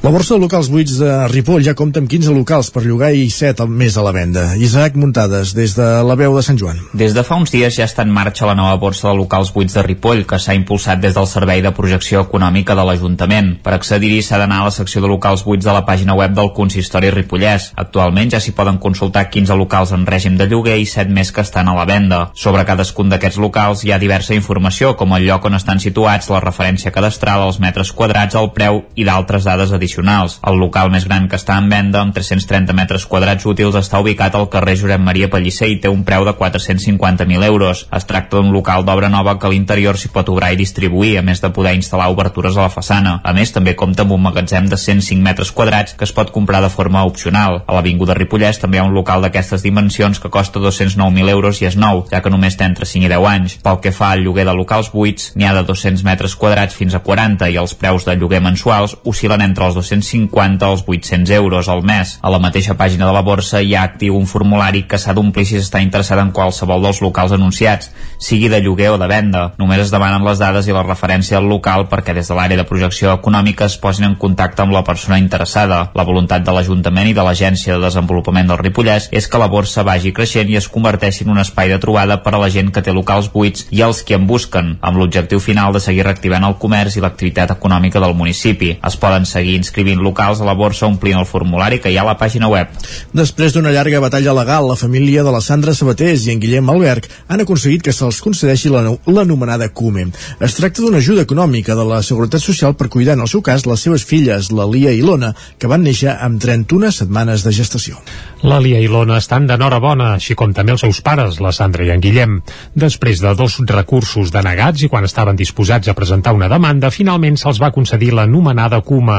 Es tracta d'una ajuda econòmica de la Seguretat Social pensada perquè els pares de fills amb càncer o malalties greus els puguin cuidar. Les dues bessones van néixer amb 31 setmanes de gestació. Se les considera prematures i tot i que per llei els toca una prestació econòmica, tal com apareix al BOE, no ha estat gens fàcil arribar a cobrar-la. Escoltem a Sandra Sabatés. Ens deien que les nenes no necessitaven cuidado de, dels progenitors, ens deien que, bueno, que per llei no entrava, ens tiraven pilotes fora, llavors, clar, nosaltres no en teníem com un, un lloc al BOE que posava que entraven per setmanes, per el pes i per tot, elles no ens donguessin llavors bueno, vam començar a gestionar posem gestoria, abogats, una mica tot eh, xarxes socials, la veritat és que ens ha anat molt bé també i a partir d'aquí va ser quan vam aconseguir que, que el dret d'elles i nostre pues, eh, ens ho donguessin Escoltem ara a Pep Farga, que és presidenta i fundadora de l'associació Som Prematurs. No podem negar el que els hi pertoca als pares per llei. És, és, em sembla que a data d'avui això es faci doncs va en detriment i deixa molt que desitjar de, de, de, de les entitats i de les persones i dels organismes que, que declinen aquests drets. El cas de la Sandra, en Guillem i les seves filles no és únic a Catalunya i han volgut fer públic el seu problema perquè no volen que altres pares hagin de passar pel mateix que ells. Escoltem a Bet Farga. Estem tenint que anar a judici per defensar aquests drets. Jo penso que ens cal una reflexió tots plegats de no sotmetre més pressió de les que ja han tingut aquestes famílies perquè la criança la necessitem empoderar no menys tenir. Actualment a Catalunya hi ha uns 4.500 naixements prematurs cada any. La majoria d'aquestes famílies tenen dret a accedir a l'ajuda econòmica per l'edat gestacional o bé pel pes del nadó o nadons en néixer.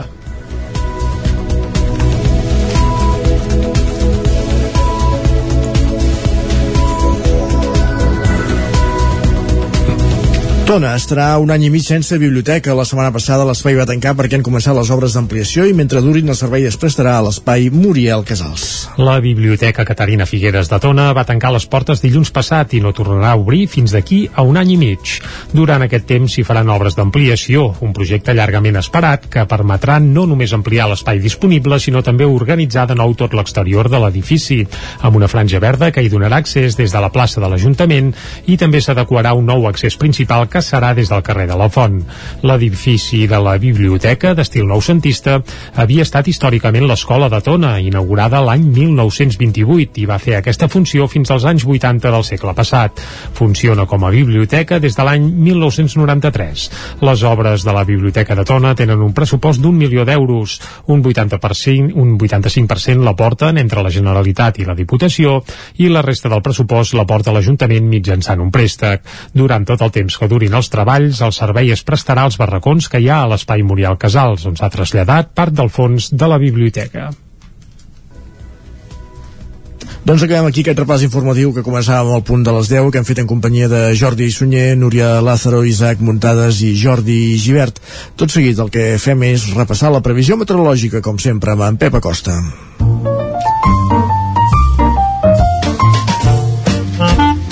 Casa Terradellos us ofereix el temps. I en Pep Acosta ja el tenim a punt de nou, a la primera hora, bé, a les 9 tocades del matí ens ha avançat que aquesta setmana no hi haurà grans canvis, que es preveu de nou d'anticicló i que sembla que això ja va camí de rècords, eh, Isaac? Perquè portem molts i molts dies, uh, bé, sense Tot el- núvols a la vista. Vist l'aigua al mes de gener, de fet. Bé, de la boira pixanera, d'alguna gelada, però la que cau del cel allò bots i barrals, eh, ni bé, ni, ni l'hem somiada. Uh, saludem de nou en Pep. Va, Pep, bon dia. Hola, molt bon dia. Uh -huh. uh, les temperatures són baixes de nit. Aquest cap de setmana també ha estat uh, mm, molt interessant per la gent que li agrada el, el turisme de gel, entre cometes, eh, turisme de gel.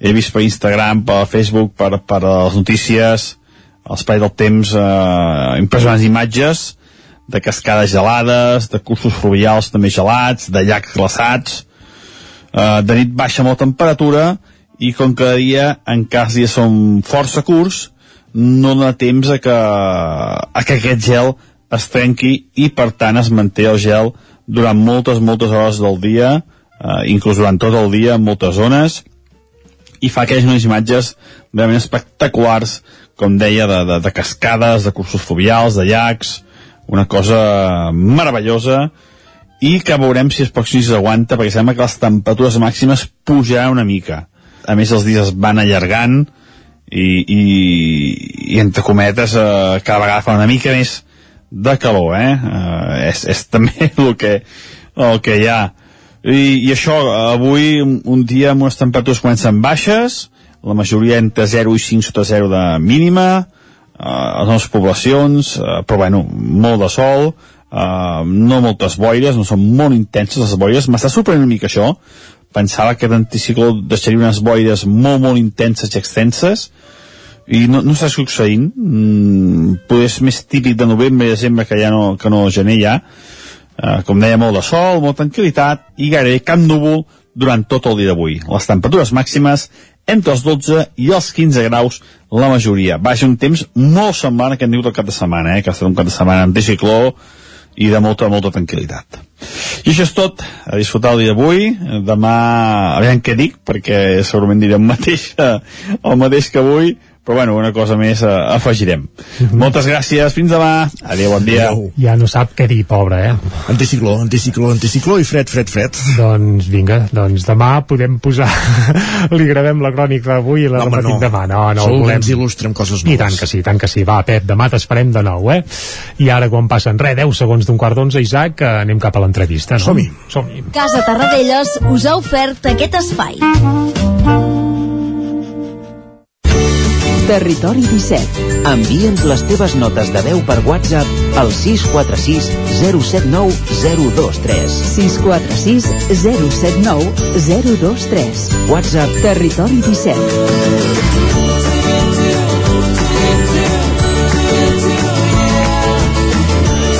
Territori 17. Som a Facebook, Twitter i Instagram amb l'usuari Territori 17.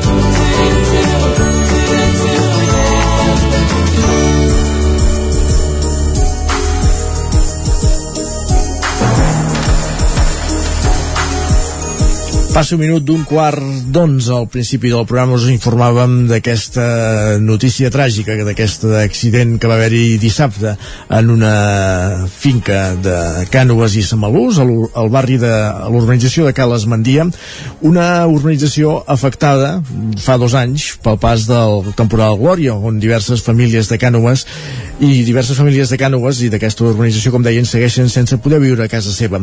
El proper 22 de gener es compleixen 22 anys de, de la borrasca del temporal Glòria, això, com dèiem, va ser aquest 22 de gener, i ampliem aquesta informació amb l'Òscar Muñoz des de Ràdio Televisió Cardedeu.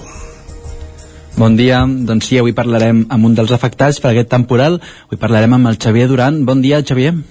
Hola, bon dia. Primer de tot, explica'ns el teu cas, quins danys va patir la, la teva casa en si, el, el terreny?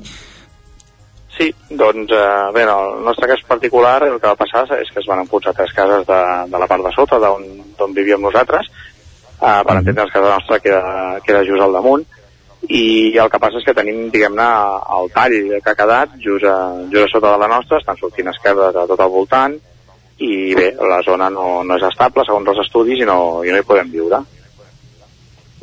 L'Ajuntament de Cànoves va enviar una carta recomanant als veïns afectats, eh, eh, òbviament, marxar de no, no poder viure a casa vostra.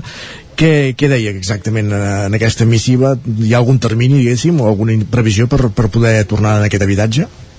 No, no, no, no, no hi ha res de res, i de fet l'únic que tenim és una recomanació de no viure-hi, no? Uh -huh. Que de fet nosaltres eh, ens agradaria que, que, bueno, que tinguéssim alguna més sòlid per també poder eh, rebre alguna ajuda per part de les asseguradores, no? Evidentment només amb una recomanació el que ens diuen és que si no és res eh, enferm, doncs que no ens poden donar cap tipus d'ajuda. Uh, no hi ha cap termini, no hi ha cap termini perquè el que s'ha de fer, o la solució, diguem-ne, seria assegurar el terreny amb una, amb una intervenció eh, que puja aproximadament un milió i mig d'euros, això estaria a moltes parce- parcel·les, eh? seria una intervenció molt gran, uh, però clar, de moment ningú se'n fa càrrec i no... És que no es faci això, diguem-ne, no podem tornar. I on sou ara vosaltres, per curiositat? Nosaltres som a Cardedeu pagant un lloguer per, per, per tenir un lloc on viure i seguim pagant la hipoteca de la casa, que fa 4 anys que la vam comprar. Arran de, de tot aquest succés eh, es van realitzar estudis geotècnics no? per, per veure quin és el problema exacte. Se sap quin és el problema que hi ha en, en el terra aquest, en aquests terrenys a causa d'aquests estudis? Sí, sembla ser que, o almenys el que diuen els estudis, no?, és que hi ha unes, unes falles d'aigua, unes, unes filtracions d'aigua que travessen el vessant de la muntanya per diferents punts. Un d'aquests punts és on van caure les cases, eh, diguem aquestes afectades fa ara dos anys, com comentàveu, eh, i eh, eh, el tema és que també uns metres més endavant es podrà, els estudis diuen que es podria repetir el mateix problema perquè hi ha el mateix tipus de filtració i de fet ja hi ha moltes cases que ja tenen esquerdes i hi ha afectacions. Durant tots aquests dos anys eh, entenc que heu estat immersos en una batalla legal i a més a més hi ha hagut tot el tema de, de la Covid i el confinament. No sé si tot això també ha alentit tota la, situació, tot el, el que esteu visquent.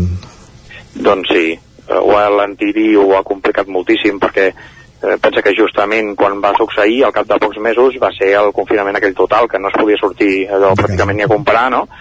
Llavors, clar, vam haver de confinar-nos a casa, al nostre casa, a casa dels nostres pares, eh? A, a, a, als meus pares, en aquest cas, vull dir, a, i clar, quasi no hi cabíem, bueno, tot plegat troben clar un drama, no? Davant d'aquest escenari els veïns sigui, heu, heu decidit denunciar-ho públicament no? ja que ningú es fa cas tant l'Ajuntament com les asseguradores doncs es veu que no hi ha diners no? per fer aquest, eh, aquest projecte llavors eh, ho heu decidit fer-ho públicament per veure si arribeu a, a més gent no? Clar, sí, sí, evidentment. Bueno, no sabem, eh, nosaltres no creiem, no creiem que el problema sigui que no hi hagi diners, eh? I creiem que és més un tema de voluntat. Home, evidentment que no. D'assumir responsabilitats, no? Suposo que és més Ah, aviat. clar, a veure, nosaltres el que entenem, eh, sempre diem el mateix, a nosaltres ens és igual d'on vingui l'ajuda. Ara el que no pot ser és que, el que no pot ser és que hi hagin, siguem 10 famílies afectades, eh, eh, que molts eh, no puguem estar vivint a casa nostra i que, i que no hi hagi cap solució a la vista. És a dir, el que no podem fer, evidentment, és pagar hipoteca i lloguer durant, durant els següents 35 anys, no?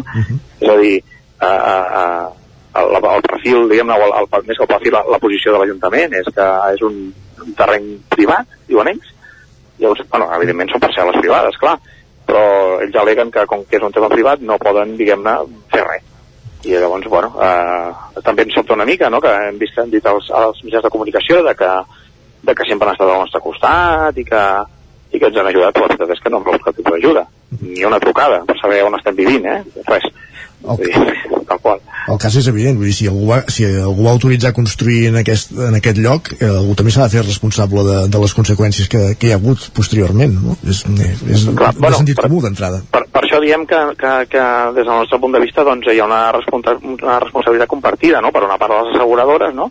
que haurien de, de cobrir diguem, la part dels danys causats o les, les, la gent que ja directament s'ha quedat sense casa perquè s'ha enfonsat del tot i després entenem que hi ha algun tipus de responsabilitat a l'hora de això, no? de, de, de que al final, si en el nostre cas nosaltres vam comprar una casa fa 4 anys, era una casa que tenia tot absolutament en regla, eh, evidentment estàs comprant un terreny que és urbanitzable, i llavors, mm, bé,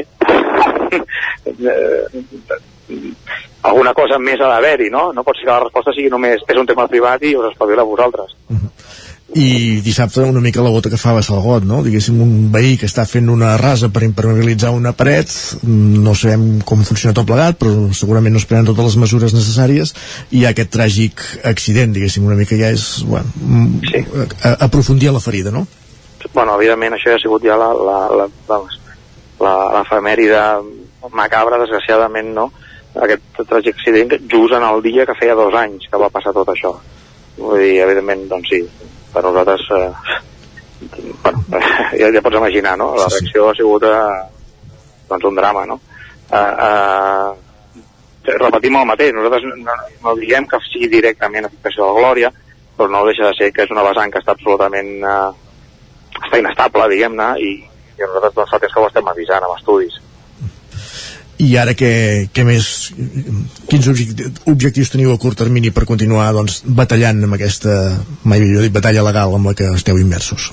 Bueno, els objectius són que bàsicament tant administració com asseguradores prenguin partit eh, i, i comencin a fer, diguem-ne, a tenir una intenció eh, de buscar algun tipus de solució, no? que no siguin tot negatives i que d'alguna manera, ja sigui a nivell d'Ajuntament, sigui a nivell de Generalitat, sigui a nivell de Diputació, d'on sigui, eh, eh, algú eh, diguem-ne mogui fitxa i, i, i, i puguem començar a, a albirar algun tipus de, de solució no? bàsicament l'únic que volem és refer la nostra vida és que no hi ha més perquè és això, la zona no es pot qualificar de catastròfica, entenc legalment, i tampoc... Eh... Bueno, és que, perdona que talli, és que legalment eh, no, l'Ajuntament no va demanar l, la sol·licitud de zona catastròfica. Si nosaltres vam demanar que es demanés, eh? Uh, evidentment això és una decisió de l'Ajuntament, l'Ajuntament fa la petició i, i el govern central espanyol, diguem-ne, fa una valoració i l'atorga o no l'atorga. Uh, no sabem ben bé per què, però l'Ajuntament va decidir no demanar-la. I llavors, doncs bé, doncs veiem com pobles veïns ja estan anunciant els milions d'euros que rebran d'ajudes uh, del Glòria i aquí, doncs, així estem.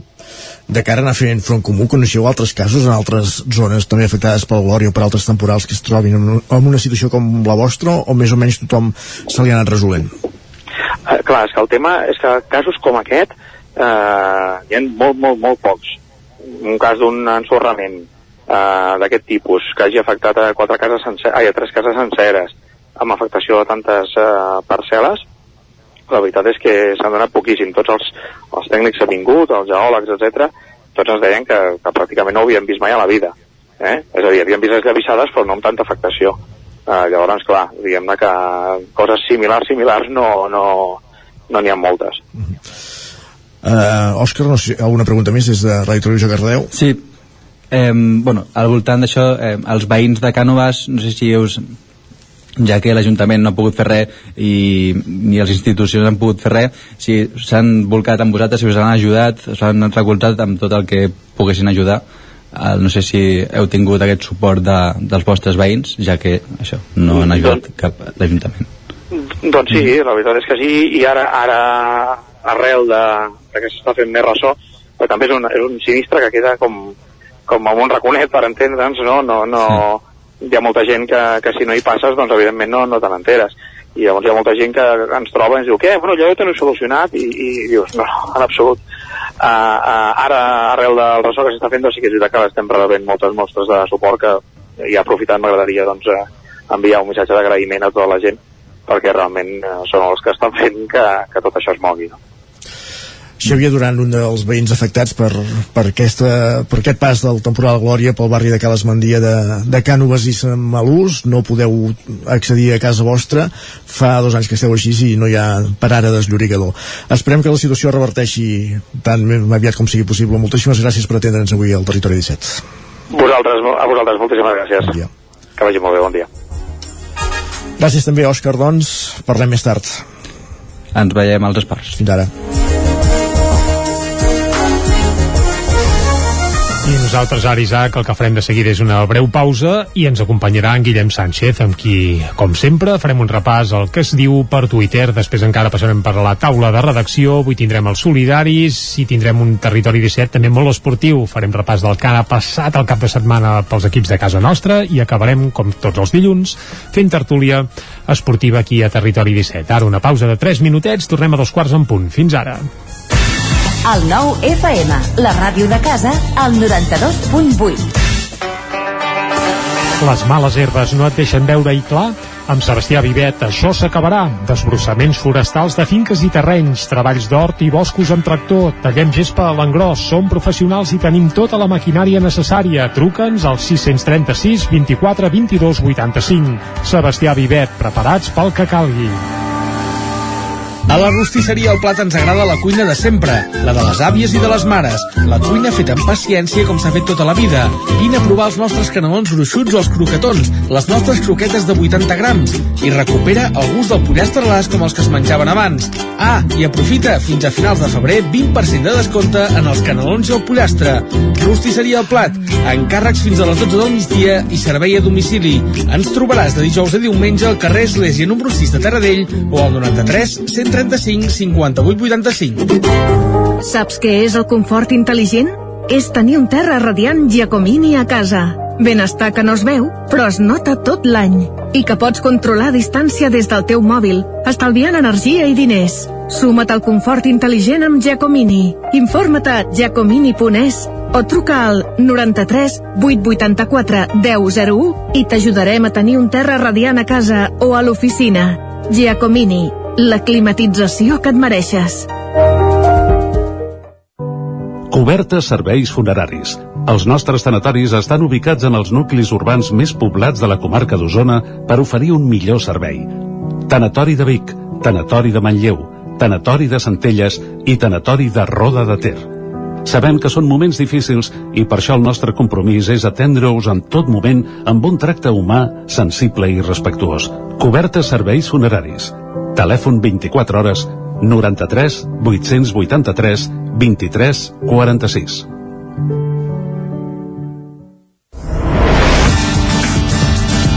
El nou FM. Anuncia't al nou FM. La màquina de casa. 9 3 8 8 9 4 9 4 9. Publicitat arroba el nou FM.cat. Anuncia't al nou FM. La publicitat més eficaç. Cocodril Club. Si t'agrada la bona música dels anys 60, 70 i 80, escolta el 9 FM als matins de dissabtes i diumenges d'11 a 1. És el temps del Cocodril Club, tot un clàssic de la ràdio, amb les bases del pop-rock, les llegendes, les cançons que s'han convertit en autèntics himnes. Recorda, dissabtes i diumenges al matí, d'11 a 1, al 9 FM 92.8. Cocodril Club. el programa Revival de l'Albert Malla. Hasta luego, cocodrilo. El nou FM, el nou FM, el nou FM, el nou FM. Ara mateix, dos quarts d'onze, al territori 17.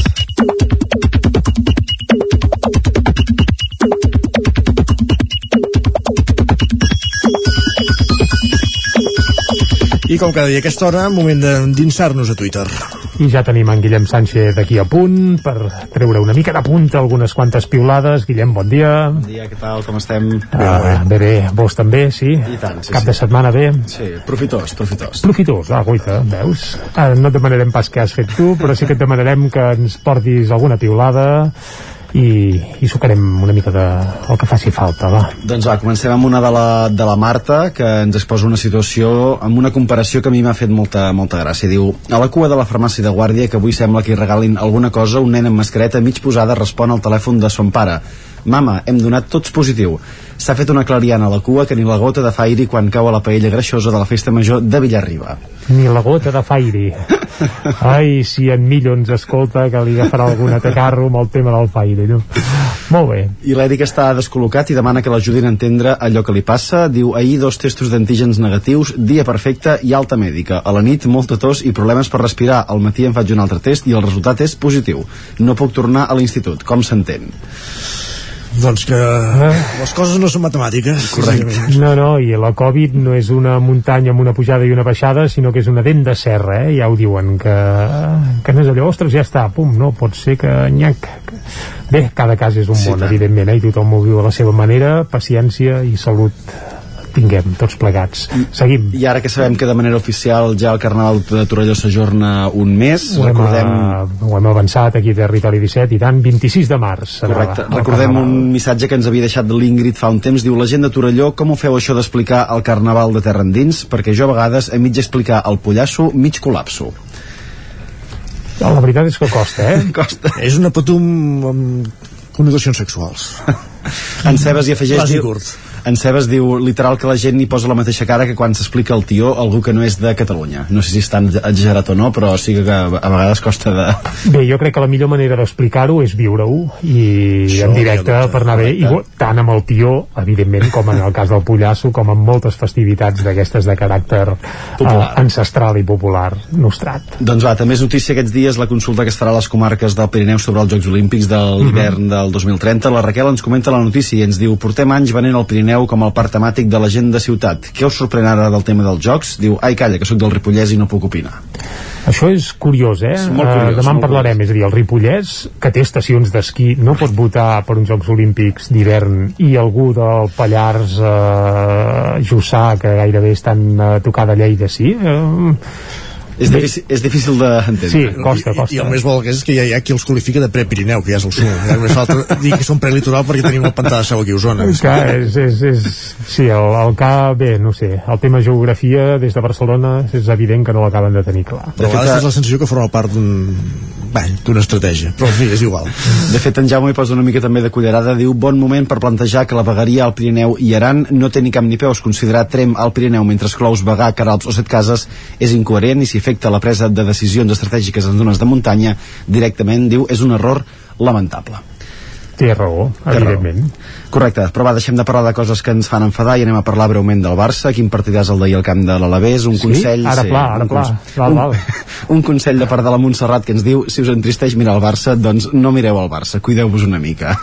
Jo potser m'hi sumaré perquè el d'ahir va ser No, no, una mica... aviam, fet i fotut, el que calia ahir era sumar com fos 3 punts, els 3 punts són el Serró i ja està, eh? però això en parlarem a la tertúlia esportiva, ara ja hi ha en Guillem en Guillem Freixa que el tenim també aquí a l'estudi, que el tindrem de tertulià i ja hi vol fotre cullerada però ens, ens el guardem encara, va, Va, en, més Mar coses. en Marc es va fixar amb l'actitud i l'actuació de l'Abde. Diu a l'Abde li deuen flipar molt les seves botes perquè no deixa de mirar-les. Amb aquesta manera de córrer sempre mirant amb el, amb el cap avall.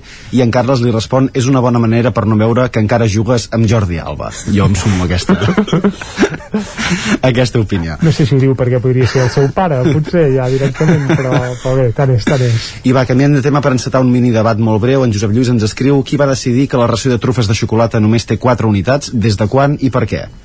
Sou de trufes vosaltres? Jo no gaire. No? Sí. L'Isaac sí. I quatre, I quatre són moltes, són poques, Isaac. És, és correcte. És correcte. Bé, si en vols més, dues racions. Exacte, que, clar, sí, és sí. que això té L'altra remei. cosa és compartir, ja està. També, també.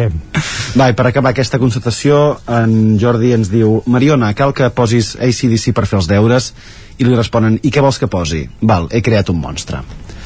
Allò, mira, el meu segal a casa també sovint posa ACDC per fer els deures. Veus? I com vols que el renyi després? Exacte. Amb aquella alegria, tu, amb Doncs el que escolta el jovent, la majoria de jovent que escolti ACDC és una benedicció. home, no. Home, és que... Bé, no Doncs pot més comentaris. Pot trobar companyia, ja té, ja té company per anar a fer els deures. Doncs vinga, ja Va. li passaré. Gràcies, Guillem, que vagi Moltes bé. mercès, i uh, ritme d'ACDC o no, ens n'anem cap a les portades del 99.cat i comencem per la del Vallès Oriental, que ara mateix obre explicant que la policia dissol una concentració d'uns 200 cotxes al polígon de Llerona. Recordem que les concentracions de més de 10 persones ara mateix no estarien autoritzades, 200 cotxes, no sé on ho han de comptar, però vaja. Més coses, operatiu policial contra la venda il·legal al mercat de Canovelles amb 5 persones detingudes i els nivells de contaminació a Granollers es mantenen estables des de l'any 2020. Anem a fer un cop d'ull a la portada del 99.cat d'Osona i el Ripollès, obre parlant dels tres toms de Manlleu. Festa gran a Manlleu. Es va fer aquest cap de setmana la festivitat de Sant Antoni Abat a Manlleu. També les excavacions descarten que hi hagi un altre soldat de la Guerra Civil a la Font de Saniàs a Torelló i també s'explica que Torelló aprova un pressupost de 21,3 milions d'euros, 6 i mig dels quals són per a inversions. Perfecte, Jordi, acabat aquí aquest repàs digital. Anem a la taula de redacció. Anem.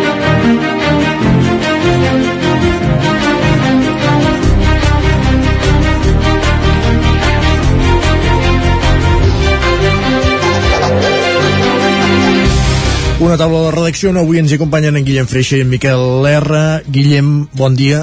Hola, molt bon dia. Aprofundim en aquestes visites que han fe, eh, fugasses que han fet els darrers dies a Osona, tant des de Ciutadans com des del PP, per denunciar que l'Ajuntament de Vic no autoritza la presència de la CARP, l'entitat que defensa el 25% de la, del català a les escoles, i a més a més el fet aquest que la visita d'Alejandro Fernández dissabte coincidís en el temps, si més no, no sé si físicament van coincidir amb el president aragonès. Bon Sí, dia. Bon dia. Físicament no, no van arribar a coincidir, eh? no es van creuar els camins de Pere Aragonès i Alejandro Fernández de la ciutat de Vic i com bé deies, posem en antecedents eh, aquestes visites de, de Ciutadans i del de, Partit eh, Popular, com bé deies, eh, l'origen de, de la seva presència arrenca després que eh, l'entitat Escuela de Todos demanés a l'Ajuntament de Vic fa 15 dies posar una carpa informativa, en concret a la zona de la plaça de la Noguera, al barri del Remei de Vic, i l'Ajuntament de Vic li denegués aquest eh,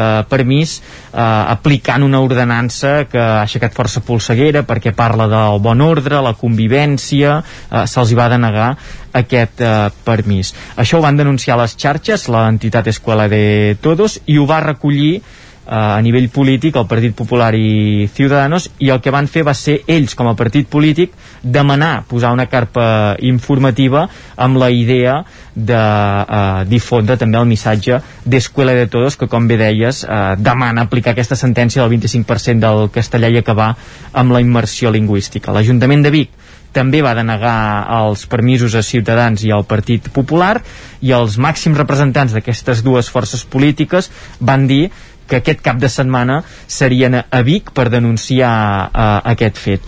Divendres va passar Ciudadanos, uh, encapçalats per Carlos Carrizosa, i la veritat és que amb poc ressò, amb poc seguiment... És allò que aterra tota la comitiva, fan el show i marxen. Eh? Exacte, és que fins i tot van arribar a desplegar una carpa, o sigui, van muntar una carpa a la plaça, van fer l'atenció als mitjans i tot seguit la van desmuntar i van marxar. Òbviament, des de Ciudadanos es va explicar que portaran a la Fiscalia aquest fet que no els hi deixessin posar la carpa informativa, però com dèiem, eh, amb poc ressò, eh? la gent passava pel costat, molta gent demanava què està passant a, aquí, hi ha els de Ciuta- Ciutadans, bueno, mm, poc, poc en renou. 24 hores després, la situació va ser totalment diferent. Eh, D'una banda també aquest escenari avivat per la confirmació del Tribunal Superior de Justícia de Catalunya anunciant que la Generalitat eh, doncs tenia dos mesos per aplicar aquesta sentència del 25% del català a les aules, per tant ratificava aquesta decisió del 25 hi havia una concentració de gent a favor d'aquesta immersió lingüística convocada també dissabte a la plaça Major. Es van acumulant la gent en aquest punt del carrer Verdaguer, entrada a la plaça Major, on normalment s'hi situen també les eh, carpes informatives de l'Assemblea Nacional de, de Catalunya um, realment molta gent allà concentrada i ja es veia venir que si el Partit Popular volia passar per allà doncs uh, hi, hauria, hi hauria tensió, xocarien uh, dues protestes totalment uh, oposades. I així va ser, cap a dos quarts de dotze va arribar la comitiva del Partit uh, Popular que d'una banda venia a protestar per aquest fet, que no els hi deixessin posar la carpa informativa i també venien a anunciar que ja tenen nou president de la secció local. És Pau Ferran, un uh, jove de la ciutat de Vic, que encapçalarà eh, aquesta reorganització del partit a la capital d'Osona i segurament serà el candidat a la ciutat de Vic. I com dèiem, tensió, molta tensió. Centenars de persones escridassant la presència del Partit Popular, l'arribada d'Alejandro Fernández doncs, eh, totalment encerclada per protestants en protecció dels Mossos d'Esquadra. Es volia fer l'atenció als mitjans eh, a, a l'entrada de la plaça Major, no va poder ser, ho van acabar fent a la cantonada justa sota la, la placa, per entendre'ns, de, de bac de roda, uh -huh doncs ho van haver de fer allà eh, en petit comitè en el sentit que hi havia els 4 o 5 micros de la premsa que els eh, acompanyava i totalment encerclats això per Mossos i per manifestants que els escridassaven. Tot seguit es va intentar fer un recorregut per les parades de, de la plaça Major, eh, això que fan la majoria de polítics quan visiten la ciutat de Vic, i tampoc va ser possible perquè centenars de persones els van continuar seguint, escridassant crits de fora feixistes dels nostres barris, l'escola en català, eren les consignes més repetides, i al final eh, en un, realment en una estira i arronsa quan volien encaminar al carrer Estret, que també eh, intentar entrar a la plaça del carrer Estret, eh, déu-n'hi-do les, les idees, van veure que no, que no hi havia, no hi havia manera i també amb recomanació policial van girar cua i de nou des del punt de partida des d'aquesta entrada a la plaça Major al carrer Verdaguer van pujar al vehicle i van marxar. Com dèiem, dues protestes que van acabar xocant amb aquesta tensió, amb aquestes escridassades de, dels manifestants i la reacció a les xarxes, a aquest ressò polític, doncs el Partit Popular, déu nhi el que va generar perquè eh, poques hores després rebien missatges de suport des de Núñez Feijó, eh, el president de Galícia, Isabel Díaz Ayuso, la presidenta de Madrid, Pablo Casado, també donant el suport als seus companys de Catalunya. Per tant, aquesta visualització del que havia passat a Vic, que va córrer per tota Espanya. El que dèiem, eh, de la protesta a l'acte electoral en el sentit que també de la presentació de Pau Ferran com a president de la secció local de Vic i ja deia que estan enfocats en entrar a l'Ajuntament de la capital d'Osona de cara a les eleccions municipals del 2023. També ho deia Carriços el dia abans, que trauria molts regidors a les properes eleccions. Serà una campanya electoral de les municipals eh, llarga, crec, que la, sí. que ens, la que ens ve per davant. Any, any i pocs mesos que falten. Exacte. Sentirem parlar. Gràcies, Guillem. Adéu. Bon dia. I continuem en aquesta taula de redacció, com dèiem, en companyia de Miquel R, perquè si la setmana passada parlàvem dels tonis de Taradell, cobrien la temporada de tres toms, aquest, aquest cap de setmana ha estat el torn de, de Manlleu, Miquel.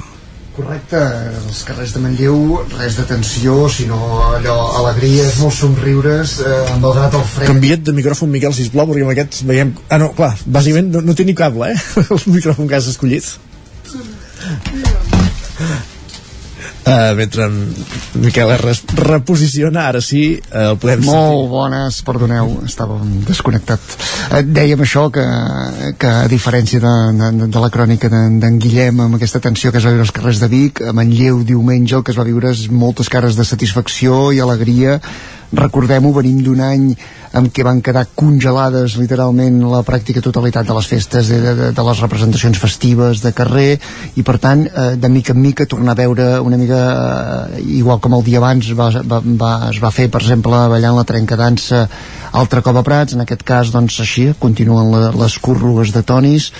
A Manlleu, eh, déu nhi ja dic per la represa, per haver estat un any aturats eh, bona animació, poder un pèl menys de gent de públic, però eh, de, de carretes, una trentena de carretes eh, una cinquantena de cavalls de sella per tant molt bona animació eh, tot el diumenge al matí, això que dèiem, un dia fred però va acompanyar un sol molt maco i per tant convidava a, a seguir-los i a sortir. Um, això, poques novetats més aviat satisfacció, ho deia l'alcalde recordava que una de les precisament una de les conseqüències de la pandèmia una més de les conseqüències és que s'està hi, hi ha perill o s'està primant una mica el teixit associatiu d'algunes ciutats i algunes entitats ho estan passant malament algunes qui sap si no podran reprendre l'activitat i per tant veure una associació de tonis tan activa que ja recordem és una festa que ja va començar el cap de setmana anterior amb el pregó, va haver-hi el primer passant de nit, ara hi va haver-hi el, el gruix principal aquest diumenge que va acabar al migdia amb el Vall del Ciri i encara viurà una pila eh, dissabte que ve amb una, amb una cursa de cintes que te faran a la mateixa plaça Bernadí, per tant veure com entitats eh, continuen amb aquest dinamisme era motiu de, de satisfacció el que dèiem, el cap de setmana eh, es va completar també a Prats amb, amb, el, amb la recuperada també ballada de la trenca dansa i els ballets de Sant Vicenç, eh, la festa major en el marc de la festa major d'hivern correcte de Prats i per tant un motiu més per tornar a veure carrers i places que de mica en mica eh, de mica en mica i encara amb, amb eh, allò creuant els dits però van recuperant certa normalitat Perfecte, gràcies doncs, per posar-nos al dia d'aquesta actualitat. Bon dia, Miquel. Bo, bon dia. I ara el que fem és anar a repassar la, els resultats esportius de, del cap de setmana pels equips del territori 17. No van sense fer un punt de d'internacional, per entendre'ns, perquè estem rebent alertes d'un cop d'estat, en aquest cas a Burkina Faso. El president de Burkina Faso, Roc Caboré, ha estat detingut pels militars, pels militars en un aparent cop d'estat. La tensió transcorre l'endemà d'una jornada d'atenció aquest diumenge on es van registrar trets en diversos quarters militars i en un suposat muti per exigir eh, millores a les forces armades. Veurem com evoluciona aquesta notícia de l'àmbit internacional, com dèiem, alertes que estan apareixent aquest matí als mitjans de comunicació. Ara sí, com dèiem, moment d'entrar a la plàgia esportiva al territori 17.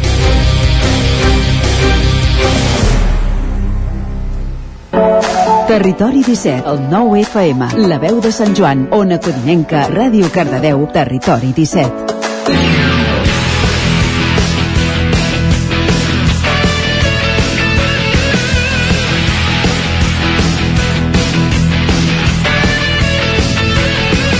13 minuts perquè siguin les 11, moment de saber que, com ha anat la jornada esportiva del cap de setmana als equips de les nostres comarques i comencem aquest recorregut per les diferents emissores del territori 17 a Ràdio Televisió Cardedeu amb l'Òscar Muñoz de nou. Bon dia, Òscar.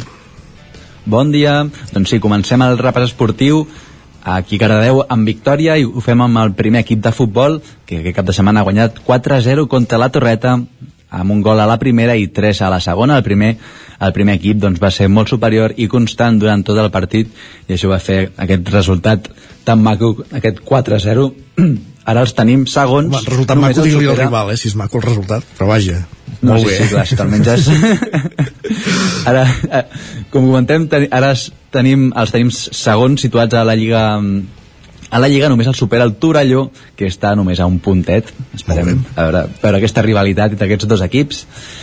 I ara ens anem a la tercera catalana. El filial jugava amb un meló, però el partit es va aplaçar, eh, s'ha aplaçat el dimarts que ve per algun positiu a les plantilles de, del Montmeló. Així que l'únic equip que va jugar, eh, que, que repassem nosaltres, la tercera catalana, és el Llinàs, que va guanyar també per 4 gols a 0 contra la Batllòria, i en aquest cas doncs, es van fer dos gols a la primera i dos gols a la segona, i el Llinàs doncs, que s'enfila una miqueta de posicions i passa des de, de la tretzena posició a la novena. I acabem amb el futbol, amb l'Esport Club, que perd el camp de l'Escó per dos gols a zero. Els dos gols van arribar al principi de la segona, o sigui, van sortir l'Esport Club una miqueta empanats, diguem així, de, del descans i l'Escó doncs, va aprofitar aquesta aquesta entrada doncs, per fer aquests dos gols, aquesta derrota fa que l'equip s'ensorri encara més a la classificació i ara ocupen la penúltima posició de la segona divisió d'aquí Espanya. I ara doncs, acabaríem amb, amb l'handbol. El tenim dues derrotes, tant en el sènior femení com el masculí. El masculí va perdre contra el Vilamajor aquest derbi per 26 a 29, va estar justet, justet el, el, doncs, tot l'enfrontament i el femení doncs, va perdre contra la cooperativa Sant Boi per 20 a 25 i acabem a Granollers amb el CAC Sec que tampoc té bons resultats. Aquest cap de setmana va perdre contra l'Aula Valladolid per 37 ai, per 35 a 27 el cas del Franking doncs no, no, han, no han disputat cap partit ja que estan amb les seves seleccions. Perfecte, Òscar, moltíssimes gràcies. A vosaltres. Bon dia. Continuem aquest recorregut, anem fins a una codinenca amb en Jordi Givert. Bon dia, Jordi. Hola, bon dia. Com anava el cap de setmana pels equips del vostre territori, de la vostra zona? Doncs uh, bastant desastre, podem Caram. dir, el, els resultats d'aquesta setmana. Mira, començaré per futbol avui, Va. si, si va bé. I mira, teníem sort que el Caldes uh, descansava i, i no ha quedat afectat per, aquesta, per aquest desastre de resultats i a més a més venia de, de dos empats consecutius i, i mala dinàmica i començarem eh, amb la notícia positiva, no?, que seria el Castell Tarsol, que a tercera catalana va empatar 2 a 2 a, a Santa Eugènia de Berga. Diem bona notícia perquè aquest 2022 el, el conjunt del Moianès sembla, sembla un altre, que ens l'hagin canviat. Venia de fer un molt mal inici de, de temporada i de moment en dos partits ja ha sumat a 4 punts, va guanyar el Sant Feliu la, la setmana passada i aquest empat aconsegueix remuntar un 2 a 0 en contra en l'últim quart d'hora de, de partit amb gols de Marcos Bonilla i Jordi Miró que permeten eh, aquests 2 a 2 finals que, que suma un punt més al, al conjunt de Castellterçol. Els altres partits que, que es van disputar eh, de futbol a, a la nostra zona, eh, sobretot destacar el final dramàtic a, a Mollà, perquè va caure derrotat per un gol a dos uh, un gol inicial de Pilali Canoter feia pensar que es faríem una altra victòria uh, en aquest uh, Mollà de, de Centenari però uh, finalment al minut 90 uh, remuntava el partit al Fulgaroles uh, marcant aquest 1 a 2 definitiu a les acaballes del partit. L'altre partit que ens queda per comentar de futbol seria el del filial d'Alcaldes, que visitava Tona aquest cap de setmana i va caure derrotat per 3 gols a 1. Uh, ja es va veure des d'un bon inici que, que no pintaven bé les coses, el Minuto ja va marcar el, el Tona el primer gol del partit i és que el, el filial de la Vila Termal no, no va sortir gaire concentrat en el, en el partit. Anem per l'hoquei, doncs. Doncs en hoquei ja també tenim uh, dues uh, notícies dolentes i una de bona. Comencem a Sant Feliu de Codines, que aquest dissabte a la tarda va sortir derrotat uh, per 0 gols a 4 contra l'Espanyol. Uh, després de la victòria fora de casa contra el Liceu la setmana passada, uh, hi havia l'expectativa no?, de sumar aquesta primera victòria de la temporada uh, al Francesc Casart, i, i no va ser possible, de fet l'Espanyol va mostrar potser la millor versió de, de la temporada, un equip que havia estat pensat per, per intentar pujar de categoria i que de moment està a mitja taula i no li estan sortint les coses, uh, va, va acabar superant amb, amb molt escreix el, el Sant Feliu. Uh, la notícia positiva la trobem a l'Hockey Lliga, que el Caldes uh, sembla un altre cop l'equip de la temporada passada. Aquest uh, cap de setmana visitava Calafell i va guanyar per un contundent 1 a 5. Uh, S'ha de dir que la primera part el, el conjunt de, de Calafell va, va plantar cara, va, va mantenir el 1 a 1 fins a, a la mitja part del partit i destacar el paper de, de Cristian Rodríguez que va marcar els dos gols inicials que van permetre eh, contrarrestar el Calafell a la segona part ja va ser un monòleg eh, calderí eh, que va acabar golejant amb aquest 1 a 5 uh, l'altre partit de la jornada el, en, en parlàvem també les notícies és el, el, que el, el Vigues i Riells va caure 1 a 2 contra el Cerdanyola en el partit de la jornada a la Hockey Lliga Femenina que va veure com la meitat de, dels partits eh, quedaven eh, suspesos a causa del Covid, un, un Covid que també havia afectat els dos equips eh, anteriorment, hi havia baixes a les dues bandes, i el partit va, va acabar amb un 2 a 1 a favor de, del conjunt de, del Vallès Occidental. El Cerdanyola va guanyar el partit i, i la segona part va ser eh, molt bona del, del Vigues i Riells, però va estar molt desencertada de, de cara a porteria i, i va fer que no pogués aconseguir uh, l'empat o, o un punt que, que aniria molt bé en aquest gener que, que s'ha d'enfrontar en els millors equips de l'Hockey Lliga. Perfecte, Jordi, doncs anirem a veure com evoluciona tot, veient com evoluciona tot plegat. Gràcies, un dilluns més. Vinga, gràcies. Bon dia. Continuem el recorregut a la veu de Sant Joan, al Ripollès, amb l'Isaac Muntades. Isaac, bon dia. Bon dia, Isaac, bon dia. Com ha anat la cosa? Doncs, bueno, no hem tingut massa partits perquè aquí hi ha hagut problemes de Covid i de descansos, bàsicament, uh -huh. i, i només un us en puc explicar dos uh, de futbol.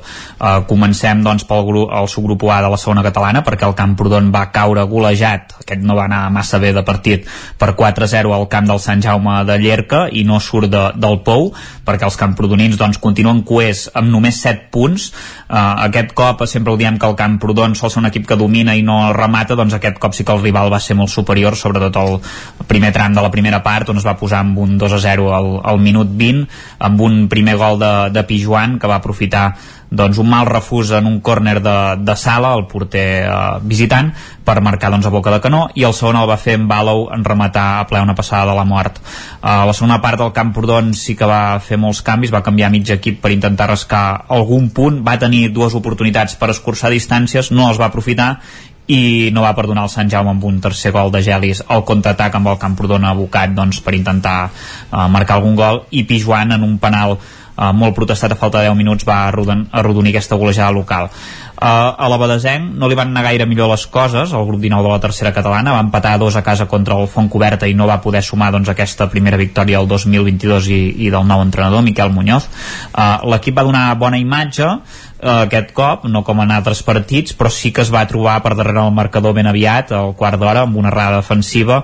Uh, Rodríguez va marcar un córner. Uh, Francolí, que recordem que tornava a l'equip després d'una d'una etapa al Torelló, doncs va aconseguir empatar també a la sortida d'un córner i, uh, i així es va arribar al descans uh, sí que és veritat que després el, la Badesenc va dominar molt més amb ocasions de Pajares i de Dani i només començar doncs, també en va tenir una, una de l'eix que va desviar el porter i Àlex de Cruz va aconseguir doncs, eh, eh, fer el 2 a 1 en rematar una centrada a Cabanes per capgirar el marcador. Semblava que la Badesenc ho tenia controlat però hi va haver una expulsió de Pajares eh, força rigorosa eh, que va condicionar el que quedava de partit, encara quedava pràcticament mitja hora per, per jugar-se i quan faltaven només 5 minuts amb la Badesenc que també va tenir alguna ocasió i, i resistia prou bé, doncs Facundo va aconseguir fer el 2 a 2. La Badesenc ara eh, és vuitè 22 punts.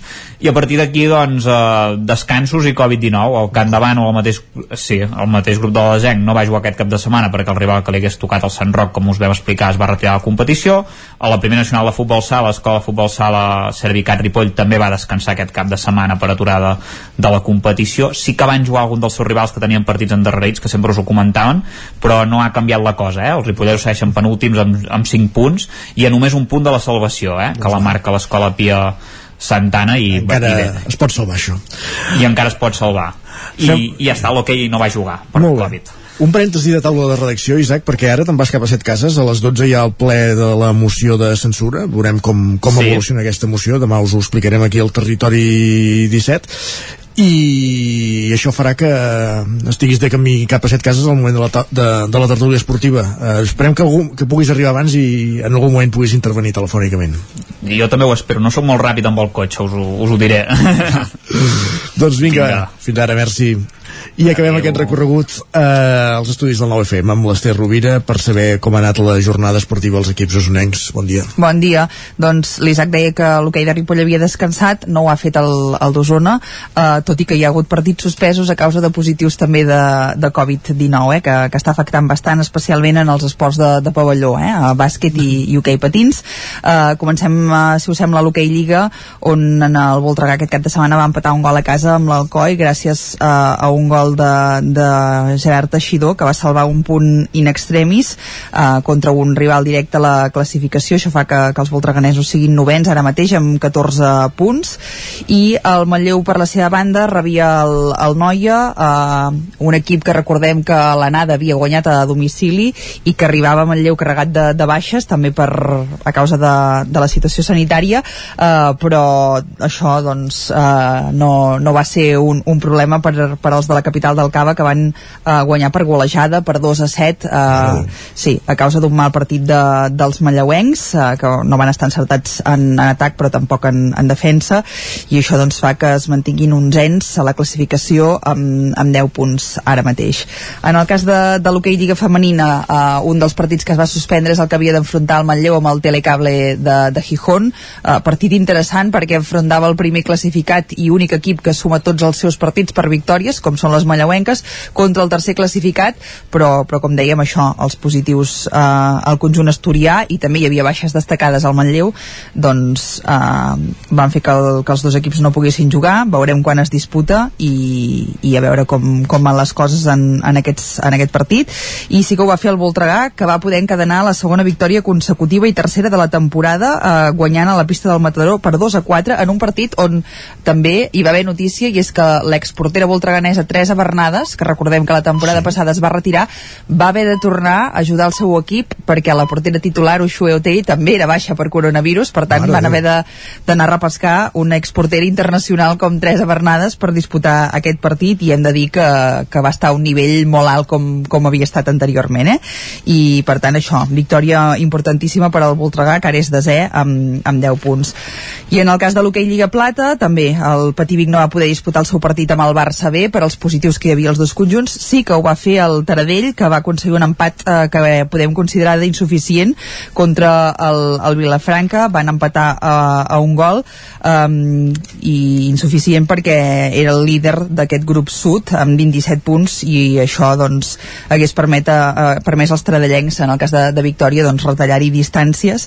Ara mateix uh, el Taradell que és tercer perquè amb aquest empat l'Alpicat li ha passat uh, per davant i té un, un punt més, en té un total de, de 21 Uh, en el cas de, del futbol, uh, aquest cap de setmana el que ha passat en el grup 2 uh, de la primera catalana és que s'han ajustat les coses entre Manlleu i Tona. Uh, ara estan, de fet, empatats a 29 punts, el Manlleu primer, el Tona segon, perquè aquest cap de setmana el Tona va aconseguir una victòria treballada a casa contra el Sant Feliuenc per 3 a, a 1, uh, mentre que el Manlleu va deixar escapar dos punts en la seva visita al canvi de LED, amb qui va aconseguir un empat a un gol en el temps de, de descompte.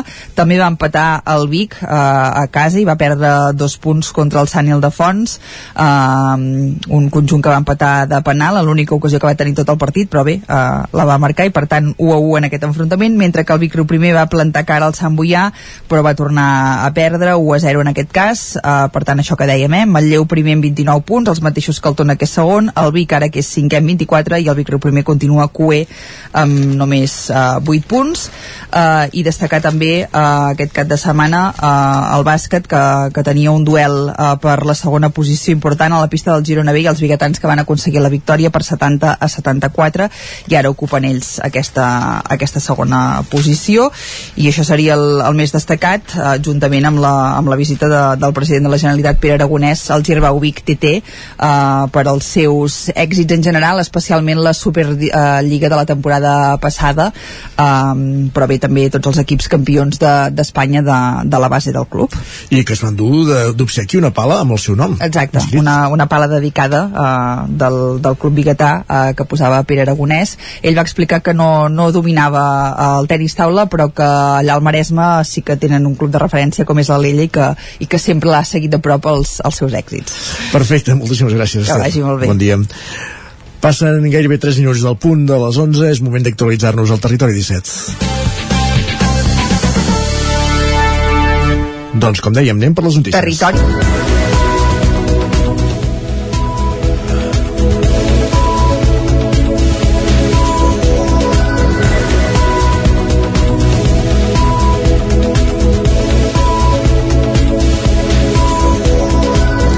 A aquesta hora els expliquem que l'Ajuntament de Torelló ha decidit ajornar el Carnaval de Terra Endins, que s'havia de celebrar el proper 26 de febrer a causa de la situació actual de la pandèmia. La decisió s'ha pres conjuntament amb les entitats organitzadores del Carnaval, que són acte, els deixebles de Sant Feliu i el col·lectiu Pollasso, sense l'opció de suspendre'ls sobre la taula. Ara, si les mesures ho permeten i la situació de la Covid millora, el que se celebrarà és el Carnaval el dia 26 de març. Per valorar les opcions, des de l'Ajuntament de Torelló van parlar amb el Departament de Cultura i també amb representants del Procicat.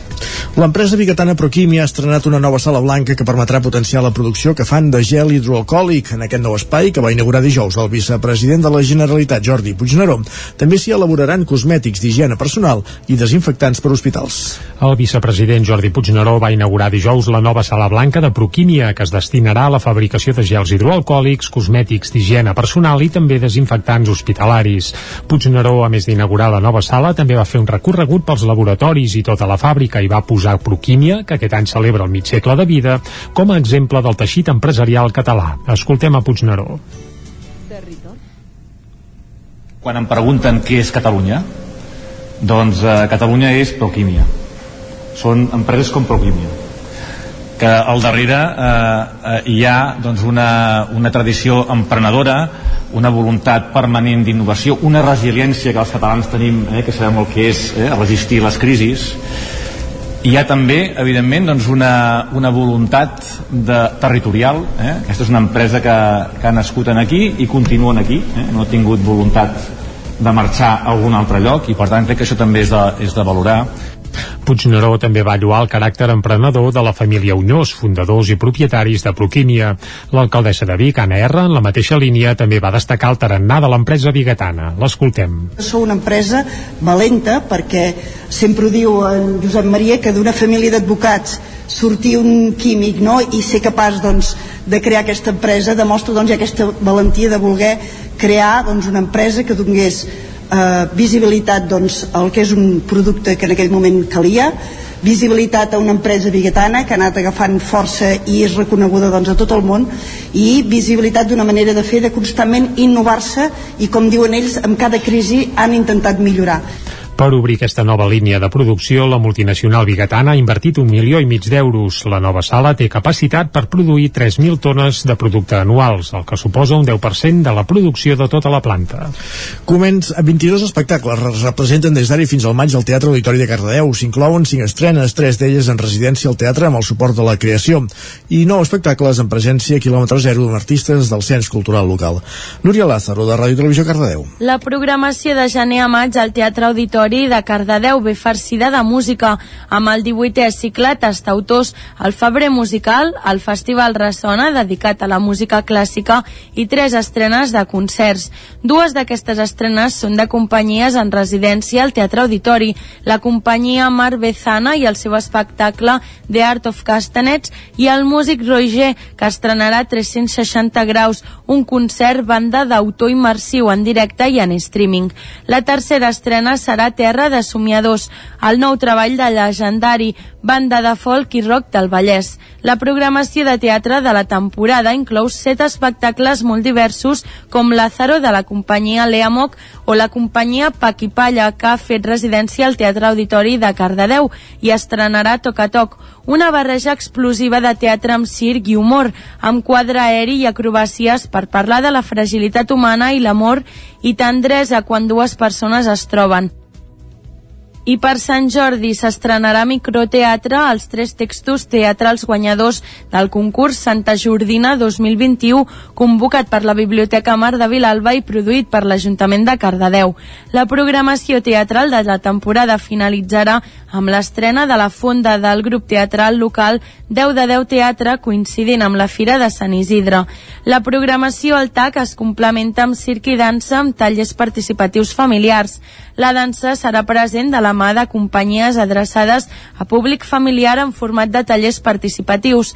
El dia de Sant Jordi s'ha programat Ex Libris de la companyia Boel, un espectacle de circ per a tots els públics amb quadrant rus, bola d'equilibri i mans a mans s'ha presentat en la darrera edició de la Fira Trapezi de Circ i la companyia va rebre el Premi Circolica, el millor número de circ al 2018. L'artista Albert Coma porta al Museu de l'Art de la Pell de Vic la seva exposició més rellevant feta fins ara. A través del traç i la pintura i plasma les vivències personals i socials dels últims anys, marcats pel canvi i la desorientació.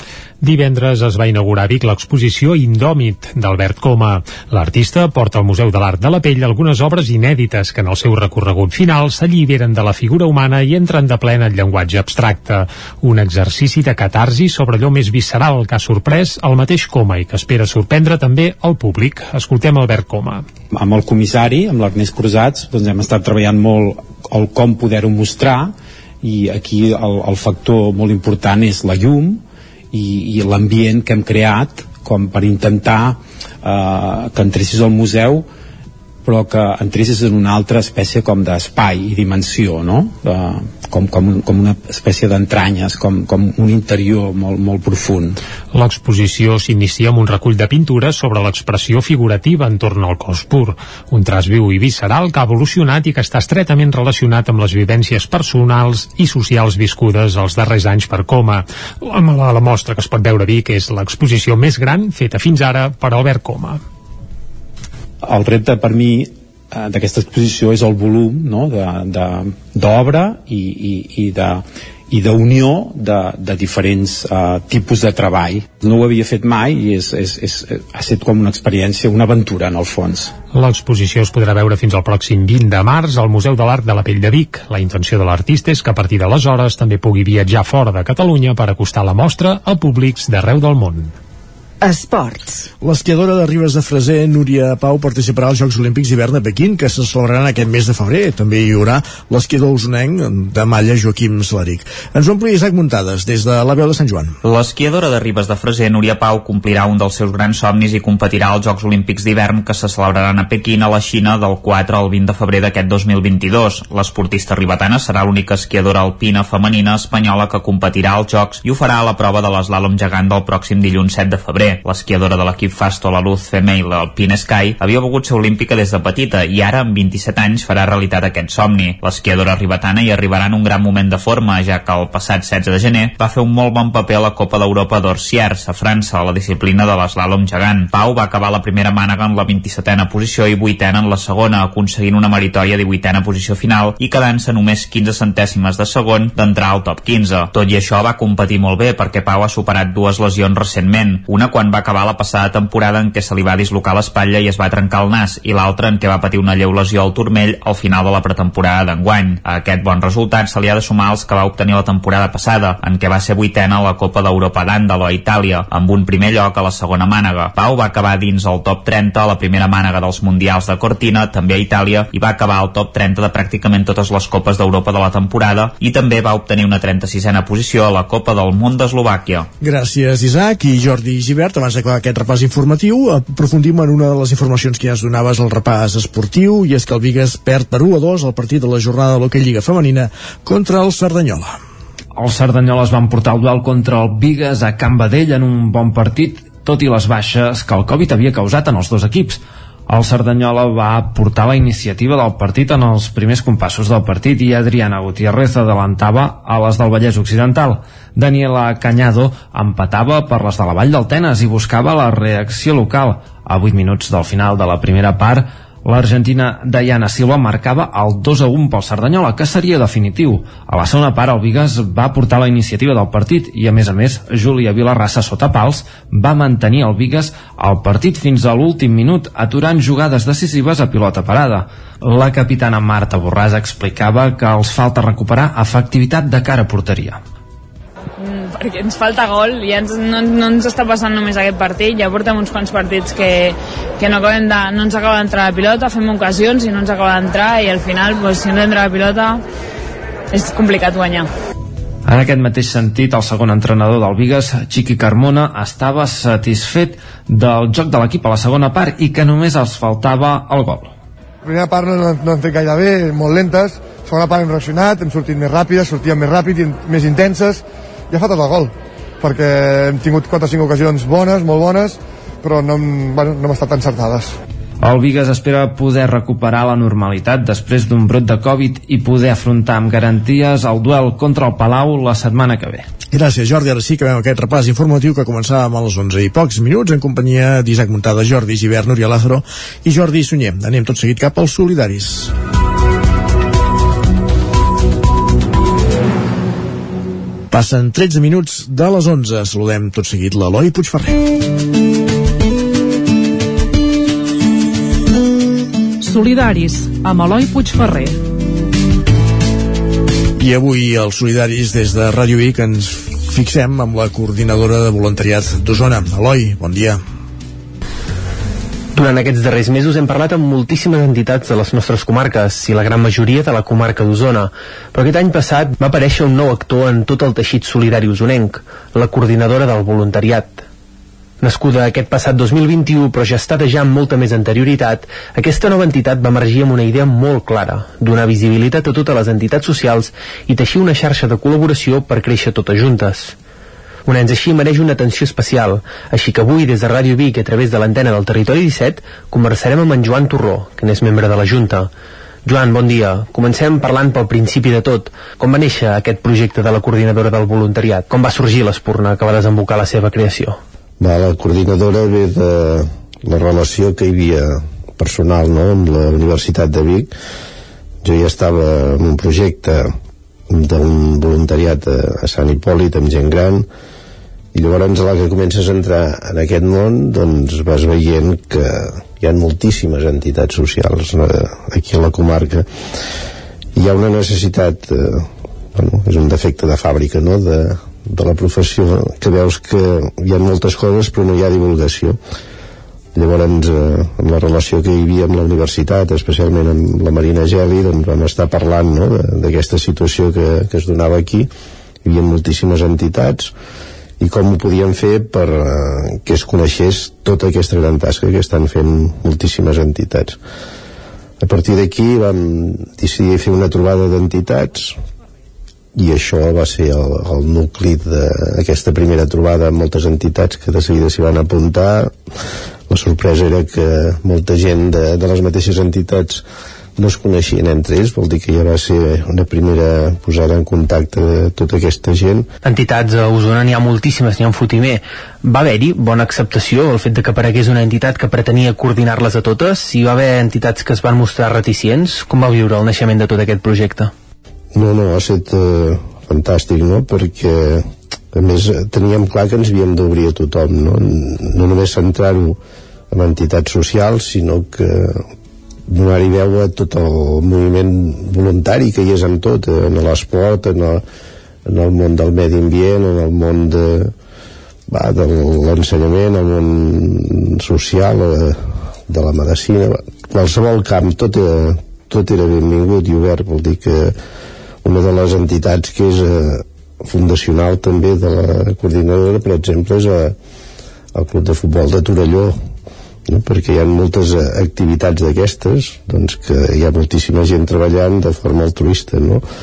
i llavors era una mica l'intent aquest de recollir tothom que, que estava treballant desinteressadament eh, donant suport a, a la gent que, que tenia el seu entorn per alguna necessitat doncs que es poguessin conèixer intentar tirar doncs, endavant projectes junts i sobretot donar servei a moltes d'aquestes entitats, algunes ni tan sols dir, que estaven constituïdes eh, legalment que tinguessin eh, un espai de trobada i de, de, bueno, de suport i de tirar endavant iniciatives vol dir que l'acollida va ser fantàstica ja t'ho dic, no? El, el fet de que vinguessin gent de, de tots els àmbits i que es poguessin conèixer allà i que això va, va donar una, una vida ja des del primer moment que bueno, no hem parat.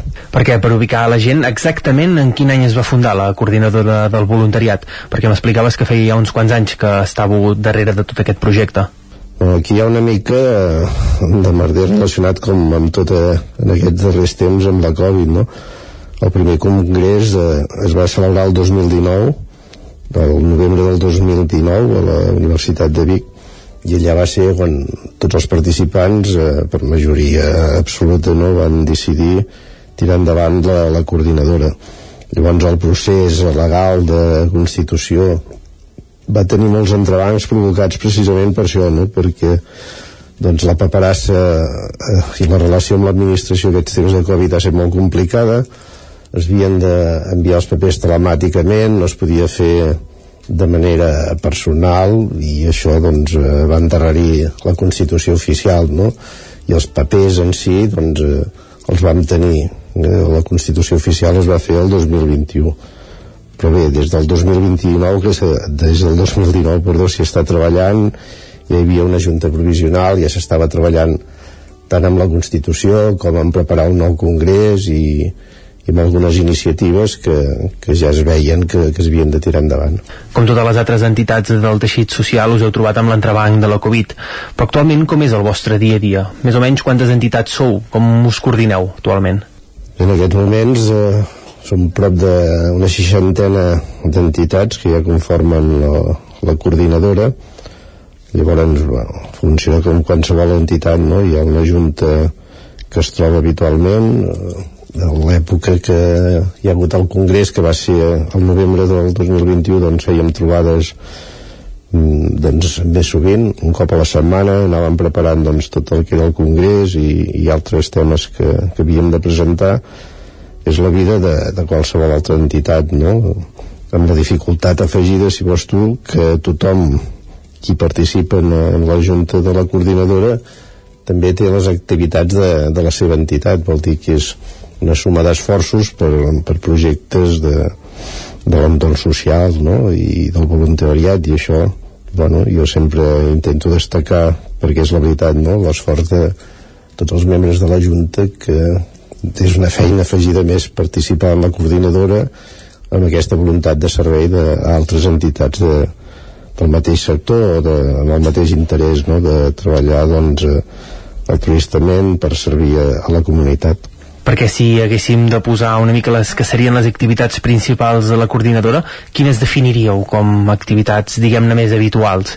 Esteu treballant amb algun projecte actualment? Teniu alguna cosa entre mans? En aquest moments estem treballant en un projecte que és molt engrescador, no? que és el fet de que estem tirant endavant un pla pilot amb les escoles, pla pilot eh, Escoles per la Justícia Social, aquest és el nom que, que l'hem batejat, i és un pla pioner, una iniciativa que ha estat molt ben acollida tant per les mateixes escoles que ho van poder presentar gràcies a la complicitat que de seguida vam tenir des del Departament d'Educació com des del Departament de Drets Socials no? tothom ha, ha vist eh, en aquest projecte un intent fantàstic no? que és portar el voluntariat a les escoles això no vol dir que no s'estiguin fent accions de voluntariat, ni molt menys, al contrari, s'hi estan fent moltíssimes accions eh, en aquest entorn i en, i en aquest aspecte, però la novetat era que nosaltres entràvem des de fora de les escoles, no?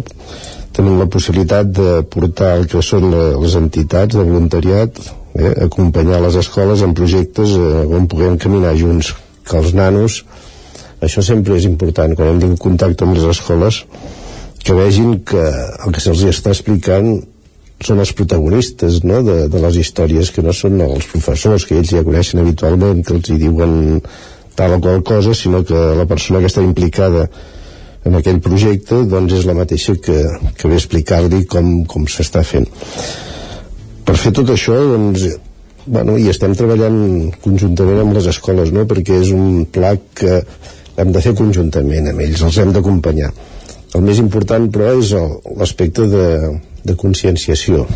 I això sí que era un punt de partida que comparteixen totes les escoles que, que s'han apuntat al pla pilot en aquests moments.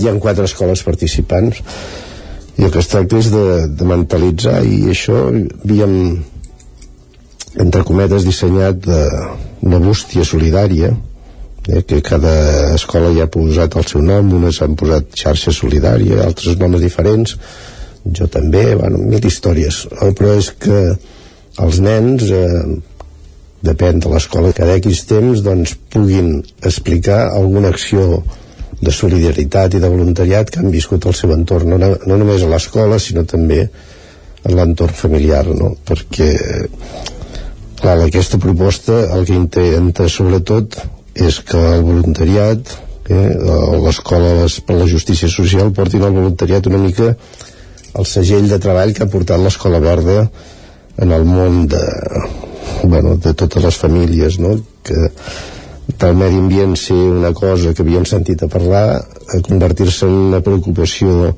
no, de cada dia on els nens han ser capaços d'ativar les famílies a, en tot el que és des del reciclatge i altres històries nosaltres eh, una mica la nostra visió era aquesta també, no? intentar que els nens amb les seves accions de, de treball i de voluntariat i de conèixer tot aquest entorn fossin capaços també d'arrossegar a les famílies cap a aquest món perquè és l'única manera no, d'intentar aquest canvi, aquesta visió diferent que, que pensem que hi ha d'haver des del voluntariat, que hi participin les famílies i que siguin els nens eh, el motor aquests per, per arrossegar el canvi. Aquest és el projecte més interessant que, que estem abocant ara els nostres esforços, no? A banda també doncs, de preparar trobades perquè ja, ja veus que portem pocs mesos de funcionament les trobades amb les mateixes entitats perquè necessitem conèixer a fons cada una de les nostres entitats per saber quines necessitats tenen i què podem compartir a l'hora de, de demanar recursos no? de, des de bueno, la paperassa que avui dia l'administració reclama a totes aquestes entitats a, qualsevol, a qualsevol altra acció no? des de demanar una subvenció o acompanyar amb projectes que a vegades a les mateixes entitats queden curtes amb, amb el voluntariat, no? aquest esforç que només falta compartir amb la gent de la coordinadora perquè sigui més fàcil portar a terme vol dir que ah, aquest és el nostre dia no? conèixer-nos a nosaltres mateixos i intentar que, que el voluntariat i, arribi a les escoles i a les famílies. Per ja encara la recta final sempre m'agrada acabar una mica amb la vista posada cap al futur. La pregunta és clara, Joan, cap a on va la coordinadora del voluntariat? Com t'agradaria poder-la veure, posem per exemple, d'aquí a 10 anys? la coordinadora el seu objectiu màxim per mi és aquest no? és eh, aconseguir que les famílies eh, tinguin el voluntariat com una cosa més en el seu dia a dia no? que no sigui eh, una medalla que, que la gent es penja no? és que jo ho faig i he deixat de fer sinó que es converteixi en una normalitat que nosaltres, eh, la coordinadora siguem un referent de projectes que es fan a tot arreu a les escoles, a, a les entitats, que el voluntariat ja no, no sigui vist com eh, un acte apassionant o, o més enllà de, de la normalitat, sinó que sigui una normalitat. Eh, aquest és el nostre objectiu, no? intentar treballar perquè la gent jove s'incorpori amb normalitat a aquest servei comunitari, a aquest treball vers els altres, a buscar aquesta equitat en els serveis i en els recursos, no? I que aquesta diferència que moltes vegades hi ha doncs eh, si som capaços no? des d'edats primerenques des de l'escola doncs de, de portar aquestes diferències eh, que no hi siguin a, a compartir tot el que tenim, a ajudar els demés doncs aquest és el nostre objectiu no? perquè sense la gent jove no, no hi ha possibilitat de tirar endavant aquest canvi que pretenem no? d'aconseguir aquesta societat millor. Doncs el camí està ben definit i sobretot que amb les ganes i sobretot amb l'empenta que heu iniciat tot aquest projecte només poden venir coses bones i sobretot amb la col·laboració i amb el teixit que esteu ja començant a formar el camí que us ve per davant segur que és com a mínim esperançador. Joan, moltíssimes gràcies per ser aquí avui amb nosaltres i sobretot molta sort en aquest camí que encareu. Gràcies a tu, Eloi. Gràcies, Eloi, gràcies, Joan, per aquest solidari és avui dedicat a la xarxa del voluntariat, la coordina del voluntariat d'Osona, al territori 17. Una pausa i tornem d'aquí 3 minuts.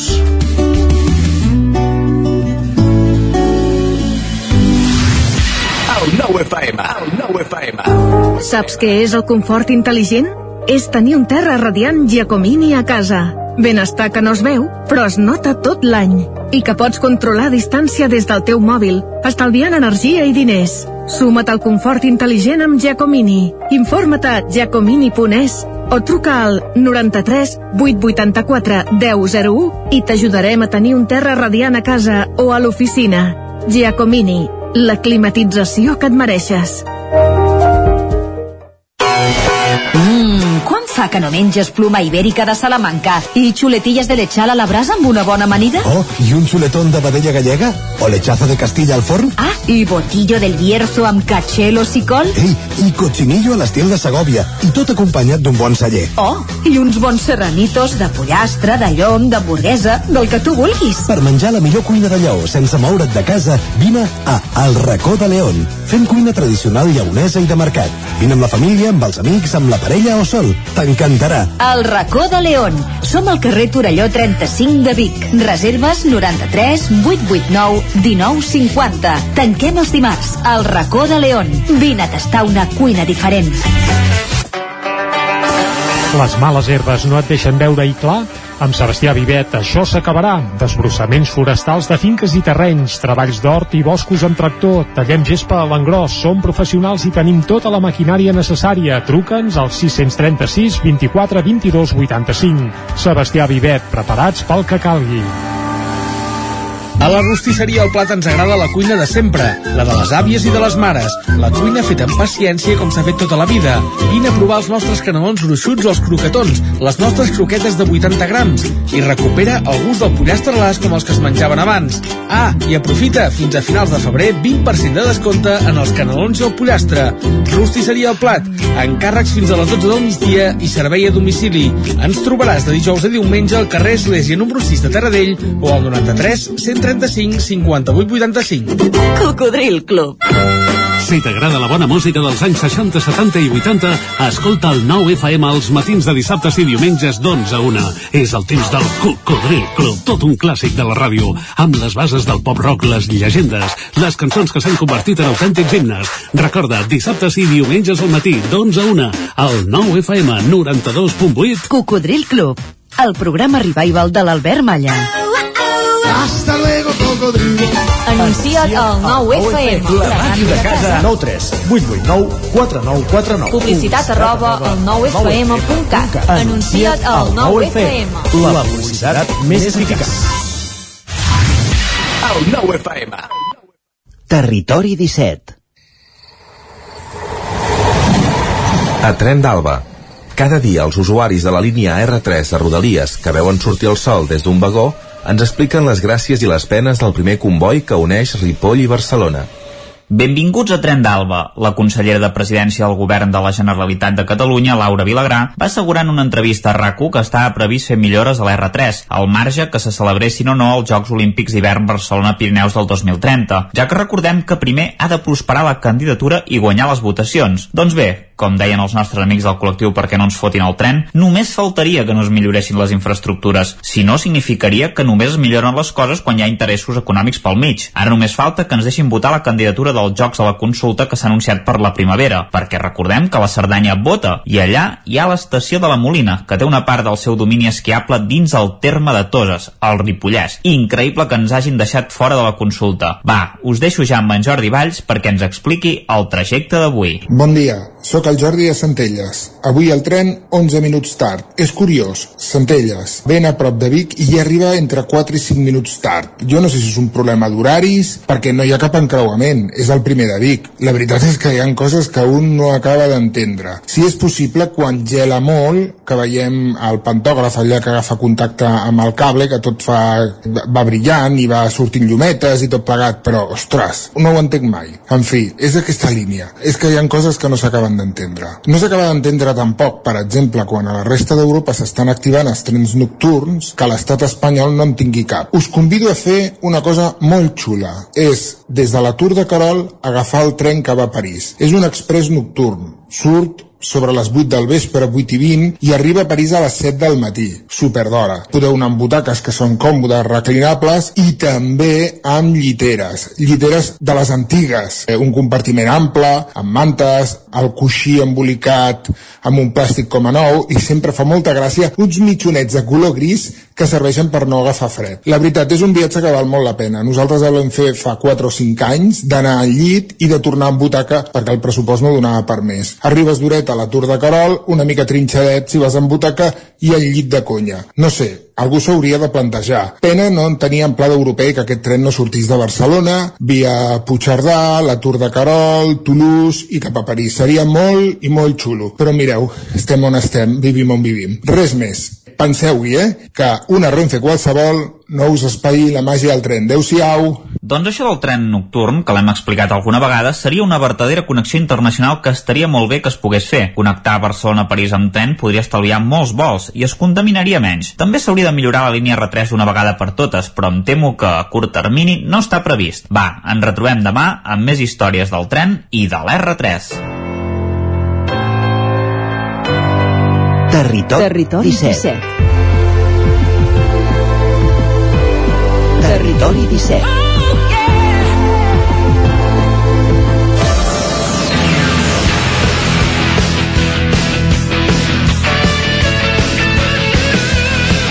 Doncs vinga, entrem a la tertúlia esportiva al territori 17 quan passen 3 minuts i mig de dos quarts de 12 una tertúlia esportiva l'endemà d'aquest eh, l'Eves 0 Barça 1 l'endemà també d'aquest Madrid 2 els Jos, els 2 3 dies després d'aquest Espanyol 1 Betis 4 o l'endemà també d'aquest Barça 7 Atlètic de Madrid 0 la Supercopa femenina amb aquesta mantejada amb aquesta lliçó de valors de les jugadores del Barça eh, Virginia Torresilla, jugadora de l'Atlètic de Madrid que, que sortia que torna a jugar després de, de patir un càncer Tertúlia esportiva avui amb Guillem Freixa i amb Lluís de Planell i esperem saludar en un moment o altre l'Isaac Muntades que com dèiem està en trànsit entre Sant Joan i Set Cases i si arriba a temps podrà agafar el telèfon Bon dia a tots dos Bon, bon dia. dia Com estem? Bueno, bé eh? Però on voleu començar de tots aquests ítems ja? on, on ens indiquis, no sé si el més recent és el Barça, no? Quasi, sí, uh, vas patir molt ahir o no? No, la veritat és que eh, aquest cap de setmana és de dir que a nivell laboral m'ha tocat eh, el que es coneix me, de manera comuna com a, com a fer guàrdia, he hagut d'estar uh, treballant i sempre penses allò, mires aviam quan juga el Barça per si podràs desconnectar una estona i mirar-lo, i ahir em va tocar el vespre amb tancament de diari i, i a la tarda uh, feia la reflexió d'ostres, aviam si podem acabar una mica d'hora i puc arribar a, a veure el partit i, i, i a, a gaudir-lo però es va allargar la cosa eh, encara estava aquí quan, a la redacció quan va començar el, el partit i per al que anava rebent de la ràdio, de comentaris de companys eh, i llavors de les imatges que he anat veient no em sabia gens de greu estar-me perdent el que, el que m'estava perdent perquè... Sí, sí, no, no va ser el millor partit de la història, no? Ja t'ho dic ara. No, no, és que no et vas perdre res. No, no, la primera part, que és el que sí que vaig, no vaig poder seguir eh, massa de prop, eh, això, no? Molt pla, no? L'equip, eh, amb sense eh, res, sense rendiment ofensiu i òbviament a la segona meitat eh, l'equip bueno, va fer un petit pas endavant però per, per, perquè havia de buscar el, el gol i al final arriba no?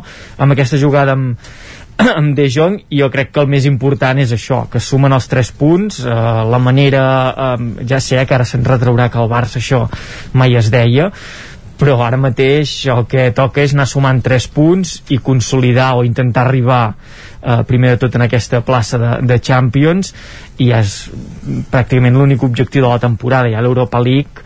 Però jo crec que l'Europa League tampoc ens hi hem de fer molt forts en voler arribar a la final o voler fer uh, una gran campanya en l'Europa League perquè ja s'està veient que la plantilla dona pel que dona, dona pel que dona per, per qualitat i per quantitat. Jo crec que són les dues variables que ara mateix el Barça ha de fer front no? Uh, la qualitat és la que és uh, jo crec que era fa 15 dies parlava que era optimista amb l'arribada de Ferran Torres amb la tornada d'Ansu Fati amb també la recuperació de Pedri mm, doncs bueno 15 dies després tornem a estar Ansu Fati ja no hi és amb Ansu Fati que jo crec que si es compleixen aquests pronòstics que diuen de 3-4 mesos no? crec que fins i tot uh, s'arribava a parlar si mires 3-4 mesos endavant ens plantarem al mes d'abril, principis de maig.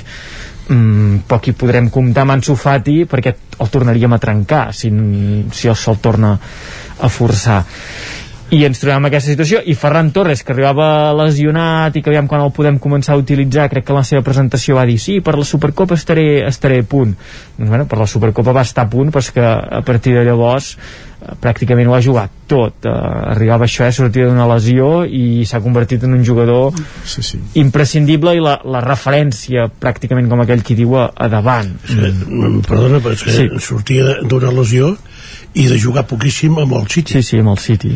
O sigui, fa molt temps que no jugava. Bueno, és el que dèiem de la, de la quantitat, no? també que el City segurament en la posició de Ferran Torres deu tenir per triar i, i remenar i Guardiola doncs eh, anava escollint altres futbolistes al Barça això no passa. que potser ens hem de fer el, de, en el cas del, del Ferran Torres que em penso que és un nano molt jove té sí. 21 o 22 anys sí, sí, és jove. i llavors el que hem de fer el, és el plantejament de que el Canaro va sortir del València uh mhm, -huh, sí. I, el, i amb el València va fer un parell de temporades eh, bones. francament bones i llavors va cridar l'atenció dels grans clubs europeus i se'n va anar al City. Ara bé, potser un nano a l'edat que, va, que, que va fer la revifalla a l'edat que va destacar eh, bé, és, és una d'aquelles edats que, que llavors el, el jugador va cap, eh, cap amunt o cap avall, cap a la dreta o cap a l'esquerra. I llavors vull dir que potser no té el nivell que apuntava eh, quan era jugador de València perquè si no juga molt City per molt que el City tingui moltes opcions sí, però... és, és senyal de que hi ha alguna coseta que no, que no funciona. I a més amb el Barça va fer el gol de Bilbao i pràcticament no ha fet res sí, més. Sí, però en atac um, se li veu, se li veu alguna cosa diferent o si més no, uh, se li veu alguna cosa uh, a portar a l'equip que veus jugadors ara mateix al Barça que um, poc, poc, poc et donen i amb això de, dels jugadors aquests que, això, eh, que apunten molt en un, en un inici que llavors potser no acaben sent el que, el que és uh, aquí a la Lliga Espanyola n'hem tingut molts jo crec que ara n'hi ha un, per exemple que, que seria un cas uh, d'això que expliques, eh? Sergio Canales no? Uh -huh. també va, va, va debutar uh, super jove amb el, amb el Racing va cridar l'atenció de, en aquell cas del, del Madrid, en el Madrid no li van sortir les coses, hi ha un pas intermig per la Real Societat i ara mateix Canales uh, és un dels jugadors més desequilibrants de, de la Lliga Espanyola. Però Canales va tenir tres lesions de, de llarga durada eh? bueno, que, que esclar, no, clar, són condicionants que amb la carrera d'un futbolista però eh, en el cas de Canales semblava molt clar que, que quan estava bé era un gran jugador mm. que el que passa és que clar, després de, de, de gairebé un any de, de no jugar doncs eh, eh, evidentment ho notes no? ara eh, jo penso que esclar, en, en sentit contrari ara es diguéssim aquí en, el que va cap a set cases clar, set cases és molt lluny no, no hi ha gaire cobertura eh, en Vinícius hi va haver molt, molt temps, mesos que es parlava que, que era un bluff mm. i ara resulta que no eh, vull dir que també pot passar el mateix amb, amb Ferran Torres sí. però mm, no sé, eh, veus, veus una, una dinàmica que evidentment està per sobre del que hi havia en, en aquells moments no, a, a Can Barça perquè era jugador del filial i però no, per mi eh, no, eh, encara té de, de demostrar que, que efectivament de fet. és un jugador de nivell. Hem parlat del partit d'ahir però també podíem parlar de l'eliminació de Bilbao de dijous eh? Sí, no, és que esclar, és que en, en qüestió d'una setmana eh, el Barça no, eh, queda fora de, de la Copa, perd la Supercopa d'Espanya també, o perd, o no passa a la final de la Supercopa d'Espanya. de, que ha sigut dues setmanes on, eh, crec que ho deia Xavi, no? que tot el que els hi podia sortir creu els ha sortit creu, perquè més enllà dels resultats esportius, que jo crec que eh, l'aficionat del Barça també s'ho mirava amb certa, amb certa distància en totes aquestes, aquestes uh, lesions I, i tornant amb, amb Ferran Torres jo crec que sí, eh, que té, que té material per ser un, un jugador important en la plantilla del, del Barça i ho comparaves amb Vinícius i demostra això, no? la, la confiança l'entorn que tens al voltant els mateixos resultats, si ara el Madrid es trobés eh, quart o cinquè com està el Barça segurament que les dues o tres pilotes que cada partit perd Vinícius de manera tonta agafarien una volada eh, de dimensions i ho veiem amb Ter Stegen que sempre li hem vist fer uh, terestegenegades podríem dir, no? una mica aquestes accions en què es complica la vida però la però, però abans t'ho compensava amb, amb parades sí, impossibles i ara no, clar, eh? Jo crec que és tema de confiança. Uh, la confiança ho és tot també en el món de, de l'esport. I ara el Barça no està en un moment de, de, de confiança. I, i s'ha de recuperar aquesta confiança que costarà, jo crec que aquesta temporada costarà molt i que com bé deia això l'objectiu ha de ser uh, arribar a la, a, a la Champions, classificar-se per la, la Champions i poc més. I llavors resoldre també aquests conflictes al vestidor no? perquè uh, ho veiem amb Dembélé. Això d'en Dembélé ara ja sí que s'ha enverinat molt. Molt, sí. Mm, aquest jugador mm... el que no veig clar eh, o sigui que això que diu el Barça no és que si no marxes eh, perquè no, no vol renovar està no, claríssim no. si no marxes eh, estaràs eh, a la banqueta fins al mes de juny. Eh, no sé si li convé al Barça això perquè clar en, en, necessita en, de la manera que està sí. necessita un home com, com Dembélé Clar, per exemple, el partit del Bilbao que va ser un partit molt de, o que diríem popularment de toma i daca eh, segurament un jugador que, que et permet trencar amb velocitat hagués anat bé. L'únic que se li ha donat moltes oportunitats a Dembélé. Jo, jo haig de... en Dembélé ha sortit malament de tot arreu ara, ara ho recorda tota la, la premsa de Can Barça. I llavors eh, no ha sortit malament. Ha sortit anant a la seva que no sé si ha sortit malament o no. Perquè vull dir, eh, aviam en aquests moments en, en, en Dembélé el Barça li està dient tu renova i eh, a, a la baixa perquè esclar, no tenim diners. no tenim diners i per tant has de renovar la baixa. Mentre que si arriba lliure amb un altre equip li donaran una prima de fitxatge mm. i un sou probablement bastant més alt que el que eh, a la baixa li, li ofereix en aquests moments al Barça. Llavors vull dir que clar, també s'ha d'entendre una mica la posició del jugador i sobretot els representants. Bueno, és que perquè que... el jugador pot, pot estar molt bé a qualsevol lloc però vull dir que esclar, si un representant li ve de 30 milions mm, potser sí. sí que t'ho has de rumiar no? perquè no. I, jo 30 milions el guanyo eh, cada dia potser. no, jo crec que aquí Dembélé i l'entorn de Dembélé sobretot el que veuen és que el, el pastís que hi ha a la nevera a punt de repartir-se i de menjar-se a Can Barça és molt petit i està una mica passadot i en canvi això si aconsegueix eh, eh, quedar lliure i poder anar a negociar i buscar noves oportunitats segur que trobarà algun eh, gran club europeu que li pagui la situació. També però sent conscient d'això eh, que eh, els clubs cada cop més tenen en compte la, la obra de cada futbolista i Dembélé, la carta de presentació de Dembélé en qualsevol club europeu de primer nivell serà d'un jugador que, que ha estat eh, que són ja pràcticament quatre temporades eh, lesionat pràctic, a la sombra. Eh, i que a més a més quan han anat amb mal dades ell no ha baixat mai del burro perquè... Uh, aviam, en, hi ha molts jugadors d'aquestes característiques. Sí. i, i escolta, bé, bé. Però clar, jo, si bé, bé, bé van trobant equips. Sí, però si, si m'assegués amb Dembélé li diria, li diria però què, què els hi vendràs amb aquests clubs? Perquè és clar, Dembélé és això, eh? ha estat lesionat un pilot de temps.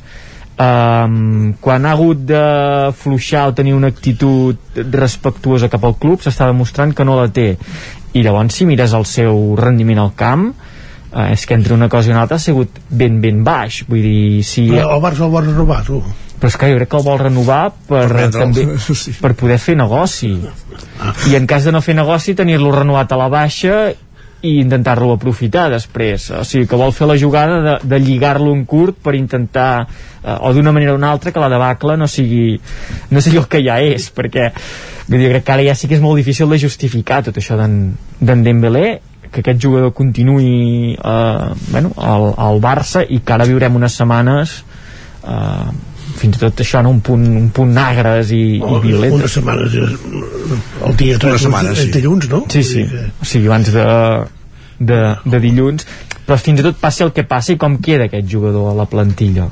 perquè què, renovarà i eh, te'ls has tingut amb l'entrenador que segur que se les han tingut de, de discutir de fes això, fes l'altre ostres, jo crec que uh, no sé, potser no sé, un Coutinho de passa el mateix bueno, se l'ha pogut treure de sobre provisionalment bueno, provisionalment tu has dit però llavors sí. no sé què passarà més vull dir que no sé ara jo del partit d'ahir sí. si, si vas veure la segona part uh. -huh.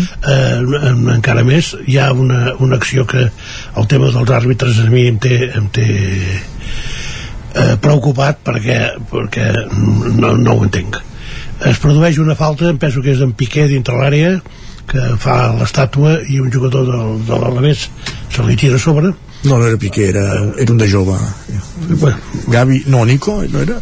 Hòstia. No, no, no ho recordo, però és, sí, sí. és igual, a dintre l'àrea. I un jugador de, de, de l'Alavés se li tira a sobre i els de l'Alavés reclamen penal. Uh mhm. -huh. L'àrbit diu que no.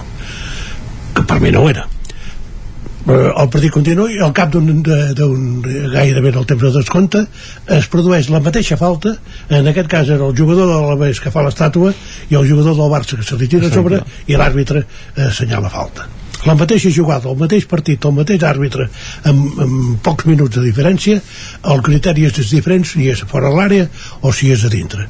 I llavors, és clar, mm, jo aquestes coses em, em costa d'entendre-les i més amb el penal que ens van picar divendres el, eh, que va ser el primer gol del, del Betis doncs comences a veure coses estranyes en el, en el món de l'arbitratge i eh, fins i tot amb el bar que, eh, coses estranyes jo crec que els àrbitres això, eh, quan hi ha un contacte a l'interior de, de l'àrea que ho han de veure més clar i òbviament si hi ha, Però, si, no, no, no, la diferència la mateixa, de criteri la mateixa sí, falta, sí, sí, sí. la mateixa falta eh, ho és o no ho és sigui Però- la posició que sigui del camp vull dir, és igual però això jo crec que és problema dels àrbitres vull dir, Ah, no, aquí no, ja, ja, ja. no, vull dir que no, no hi busquis el Barça pel mig que... el, el problema dels àrbitres el patim nosaltres ja, però vull els dir, clubs eh, modestos vull dir, eh? Sí, però el Barça a vegades també aquesta, aquest any s'ha queixat no? de- d'arbitratges que no li han que, o que no l'han acabat de, de convèncer ah, no, que no l'han acabat d'afavorir vols dir no, afavorir no, convèncer que sempre hi ha jugades d'aquestes que eh, tu hauries xiulat d'una manera l'àrbitre no. no ho veu clar i en una següent jugada acaba xiulant el que anteriorment no havia, no havia ja, t'he- ja has de dir que no era, no, no, no era penal per mi el que va passar, uh -huh. però esclar si a dintre l'àrea no és Mhm. No penal és, allà perquè és no és falta, no? perquè, per, perquè Bueno, per- allà i això li va costar l'expulsió en, en el- en l'entrenador Mendilibar el Mendilibar, eh? perquè esclar, molt content no estava No, i que a més a més, com que no és gaire vehement a l'hora de protestar Mendilibar, doncs no, no se li devia notar gaire que estava enfadat. Clar, I la facilitat de xiular faltes a, a la resta del terreny de joc. Um, no sé, és, és, és problema dels arbitratges, eh? En els arbitratges hi trobaríem moltes, moltes uh, llacunes d'aquestes, i ara crec que venen dues setmanes que no hi ha uh, futbol de, de primera, que hi ha una, una finestra d'aquestes eh, FIFA amb seleccions, eh, a més a més crec que no, no afecta els europeus el, a les seleccions europees. Eh, jo crec que el Barça també aquí ha d'aprofitar per fer, per fer feina. Uh, li hem vist algunes coses a l'equip de, de poc de poc treballat, de poca confiança en la rematada al gol. I aquestes dues setmanes doncs, també pot servir per fer aquesta, aquesta feina interna a nivell de si, Xavi. si després del partit d'ahir l'entrenador fos, es digués Ronald Koeman en aquests moments l'estaríeu eh, classificant a la cara de Gurb eh? però jo crec que aquí també ha, anat, hi ha, o sigui, hi ha hagut un, un canvi de mentalitat. Uh, sí. hi ha el que hi ha. Jo crec que ara ja la gent n'ha sigut conscient. Quan hi havia Koeman potser encara no érem conscients del tot de les limitacions de, de l'equip. I ara eh, és que eh, no es pot demanar miracles eh, eh, una, sí, exacte, però miracles a, a Lourdes o, o on vulgueu anar però de totes maneres No es pot demanar Pere Eslom. ja, ja, ja ho sé que, que Koeman- la- l'economia és, Sí. és la que és. Però és que en Piqué cobra com tots els jugadors de la plantilla de l'Alavés Ja, però això O sigui, comparar, no, no, no, no, no, comparar no. clubs, ja, això ha sigut sempre així, proporcionalment no, ha però, sigut... però és que, que teniu una plantilla amb, amb uns jugadors que eh, eh, a part Bueno. del que cobren han costat eh, fortunes Sí, i és- no rendeixen Bueno, en, en De Jong ara no ja és bo perquè ahir va fer el gol de la victòria No. però eh, el partit de, de Jong Sí. ahir va ser més que discret No, i que venim de temps que no és el de Jong que ens imaginàvem segurament quan va arribar o, la, o en la primera eh, temporada. És que és evident que hi ha moltes el errades. Busquets i l'Alba l'esteu sacrificant Sí, però ahir, per exemple, l'assistència no, és de, em sembla que és de, de Jordi Alba. Per tant, són, són jugadors que encara et donen alguna cosa. I és evident que aquesta transició entre el- la vella guàrdia, en podríem dir, i, i els nous futbolistes, que segurament no haurien de ser aquests júniors, aquests eh, juvenils que estan entrant ara, no s'ha fet bé. I, I és aquí on hi ha la, la desconnexió no, del, del Barça entre aquesta, entre aquesta vella guàrdia i les noves fornades, que el Madrid potser ho ha sabut fer més bé i a més a més eh, jugadors com Benzema i Modric estan vivint una segona joventut i en el Barça no, en el Barça Piqué, Busquets i Alba doncs comencen a, a tenir més, més, eh, més baixes, van baixant el, el rendiment. Jo diria que el, el problema del Barça és la Messi dependència que teniu fins ara. Bueno, Vull dir, no és un jugador amb una ascendència brutal. però no hi ha, no hi ha aquest referent i llavors tothom ha perdut bastant Sí. l'Oremus i és que la sotregada de la marxa de Messi eh, és molt gran. Vull dir, és, és, jo crec que és una cosa que no estava prevista, no entrava en els plans i que ha sigut com una plantofada amb la mà oberta eh, al club, als aficionats els mateixos jugadors perquè no sé, el Kun Agüero és evident que ve a jugar al Barça per, per Messi llavors passa tot el que passa eh? però esclar, eh, es crea un ecosistema al voltant de Messi que la que marxa Messi aquest ecosistema no, no funciona i s'està veient que no funciona eh, perquè no hi va haver relleu, perquè no hi van haver jugadors que havien agafat protagonisme i ara quan se'ls ha donat tampoc l'han acceptat de totes perquè... maneres fa molt temps que dèiem que el Barça és Messi i poca cosa més Bueno. sí, sí. temporades vull dir eh? no, Sí, sí. No, no, no la temporada passada sinó l'altra i l'anterior però no es feia res correcte clar, que es fixava Dembélé i, i, I Coutinho. Coutinho. i Griezmann, I, i un que jugava a la mateixa posició pràcticament que Messi, no? Eh, Es va fitxar Griezmann, que eh, en aquesta fu- funció de mitja punta que el Barça no té, però que és aquest home lliure per darrere del nou, que això era Messi. I es va fitxar Griezmann, es van gastar els calés amb Griezmann, i no va funcionar. Uh, es fitxa Dembélé quan Dembélé és un jugador que potser també per l'estil del Barça no li anava massa bé en canvi no, la velocitat de banda esquerra sí que va bé. Mm, sí, però tant, perquè Dembélé és el, uh, un extrem pur, no?, de, de marxar sempre a la banda, uh, no sé, jo no li... Jo potser hagués anat per un altre, per un altre perfil. Uh, no substitueix el davanter centre pur quan Luis Suárez se li diu que agafi la porta i marxi. de totes maneres mm. si t'hi fixes en, en Luke de Jong semblava que ja, ja era el Cádiz sí, marxava o sigui, els, els, club, els tres clubs Estaven Sevilla. Cádiz i Barça estaven d'acord i, i ell va dir no, no, jo, no el Cádiz no, no, només que em quedo aquí el Cádiz no me n'hi vaig eh, entenc jo que va dir i llavors doncs mira, ara és el que ha fet el, el, els, els golets Els gols, el, el, sí. últimament Bueno, és que és la referència en atac. No sé. Luc de Tronc, li deia l'Isaac Muntades, oi, Isaac?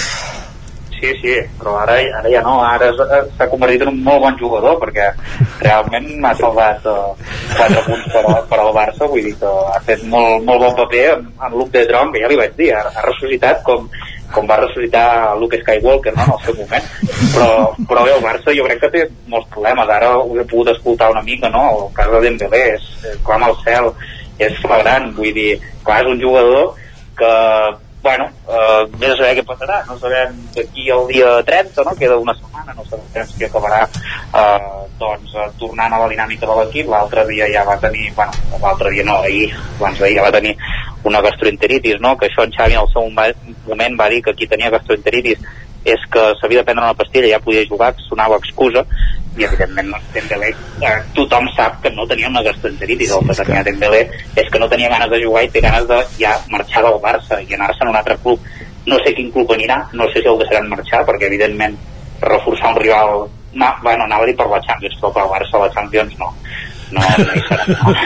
i clar, llavors no, no reforçarà un rival directe però, però suposo que no fa cap gràcia. Però si es n'ha de treure algun caler heu d'aprofitar ara perquè si no acaba el contracte i, i, i veureu 0 euros Si no, aquesta, aquesta segona joventut que deia en Guillem d'en Vinícius i, i en Benzema no la tindrem amb ell aquí, eh? Sí, hòstia, i, i ahir parlant de Vinicius Benzema, a de Benzema que, que es va lesionar i que és un jugador clau i, i comentar res una mica del Madrid que també és una mica per lo que jo vinc aquí al Madrid perquè si no ningú defensarà uh, un equip que en 4 o 5 dies ha demostrat que no es rendeix i que lluita fins a l'últim moment i l'Elx Contra l'Elx, eh? Vull dir, sí, sí, bueno, con, contra Dos partits contra l'Elx, eh? Us, us va costar també, eh? vull dir, tampoc va ser un partit fàcil, eh? vull dir que bé, uh, jo uh, en tot cas va ser un partit uh, bastant interessant uh, el Madrid va poder guanyar va haver-hi un penal a la primera part doncs, que si l'arribés i cada tema que no n'havia fallat cap fins ara doncs estaríem parlant d'una altra cosa i sens dubte doncs sap greu perquè es perden dos punts però, però bé, el Madrid segueix líder segueix líder Sí, sí. té 4 punts de- d'avantatge Teniu coixí, teniu coixí, no pateixis. Sí, sí, tenim coixí. Jo crec que ho tenim bé, però eh, hem de dosificar l'equip i, i intentar passar aquesta ronda de Copa, que és la ronda trampa, que és una ronda difícil, i després ja pensar en la Champions, perquè la Lliga tenim, tenim força marge.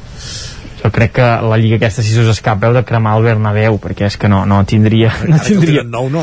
Sí, sí, no tindria... O sigui, està a, amb, amb safata d'or aquesta Lliga, on l'únic que us pot fer sombra és el Sevilla, i jo crec que no, no, no tindrà la continuïtat el Sevilla per, per fer-vos per fer-vos mal. Per tant, disfruteu d'aquesta Lliga perquè ja ja vindran anys en què el Barça torni a, a disputar-vos els, els títols aquest Bueno, any. sí, aquest sí, any. eh. Home, d'aquí 10 anys espero que sí, que dir. No, 10 anys no, jo crec que abans. Sí, jo, jo diria Sí, que, bueno, ja que si us ha de preocupar el Barça podeu estar tranquils. Bueno, jo, jo crec, jo sóc optimista que de cara a la temporada que ve eh, el Barça tornarà a ser competitiu, si més no a la Lliga. Llavors ja parlarem de Champions, eh, que és una altra... Amb qui, amb quins jugadors? No, amb el que hi ha, un any més d'experiència i jo crec que el Barça trobarà la manera d'incorporar algun futbolista per consolidar eh, tant l'equip com, com la part ofensiva. Un any més d'experiència d'en Busquets i de No, Nadal, ja- no. eh, No, no, I de- em referia a, a Nikos, Nico, a Pedris, Pedri. Ansu Fati, això, això em referia. Guillem Freixa, Lluís de Planell i Isaac Muntades, gràcies un dilluns més. Bona setmana. Adéu-siau. Acabem aquí la tertúlia esportiva i acabem aquí pràcticament també el territori 17. Us hem acompanyat des de les 9 del matí Pepa Costa, Núria Lázaro, Òscar Muñoz, Guillem Sánchez, Guillem Freixa, Miquel R, Jordi Givert, Esther Rovira, Eloi Puigferrer, Isaac Muntades, Lluís de Planell, Jordi Sunyer i Isaac Moreno. I tornarem demà a la mateixa hora, a partir de les 9, aquí a la vostra emissora. Bon dia.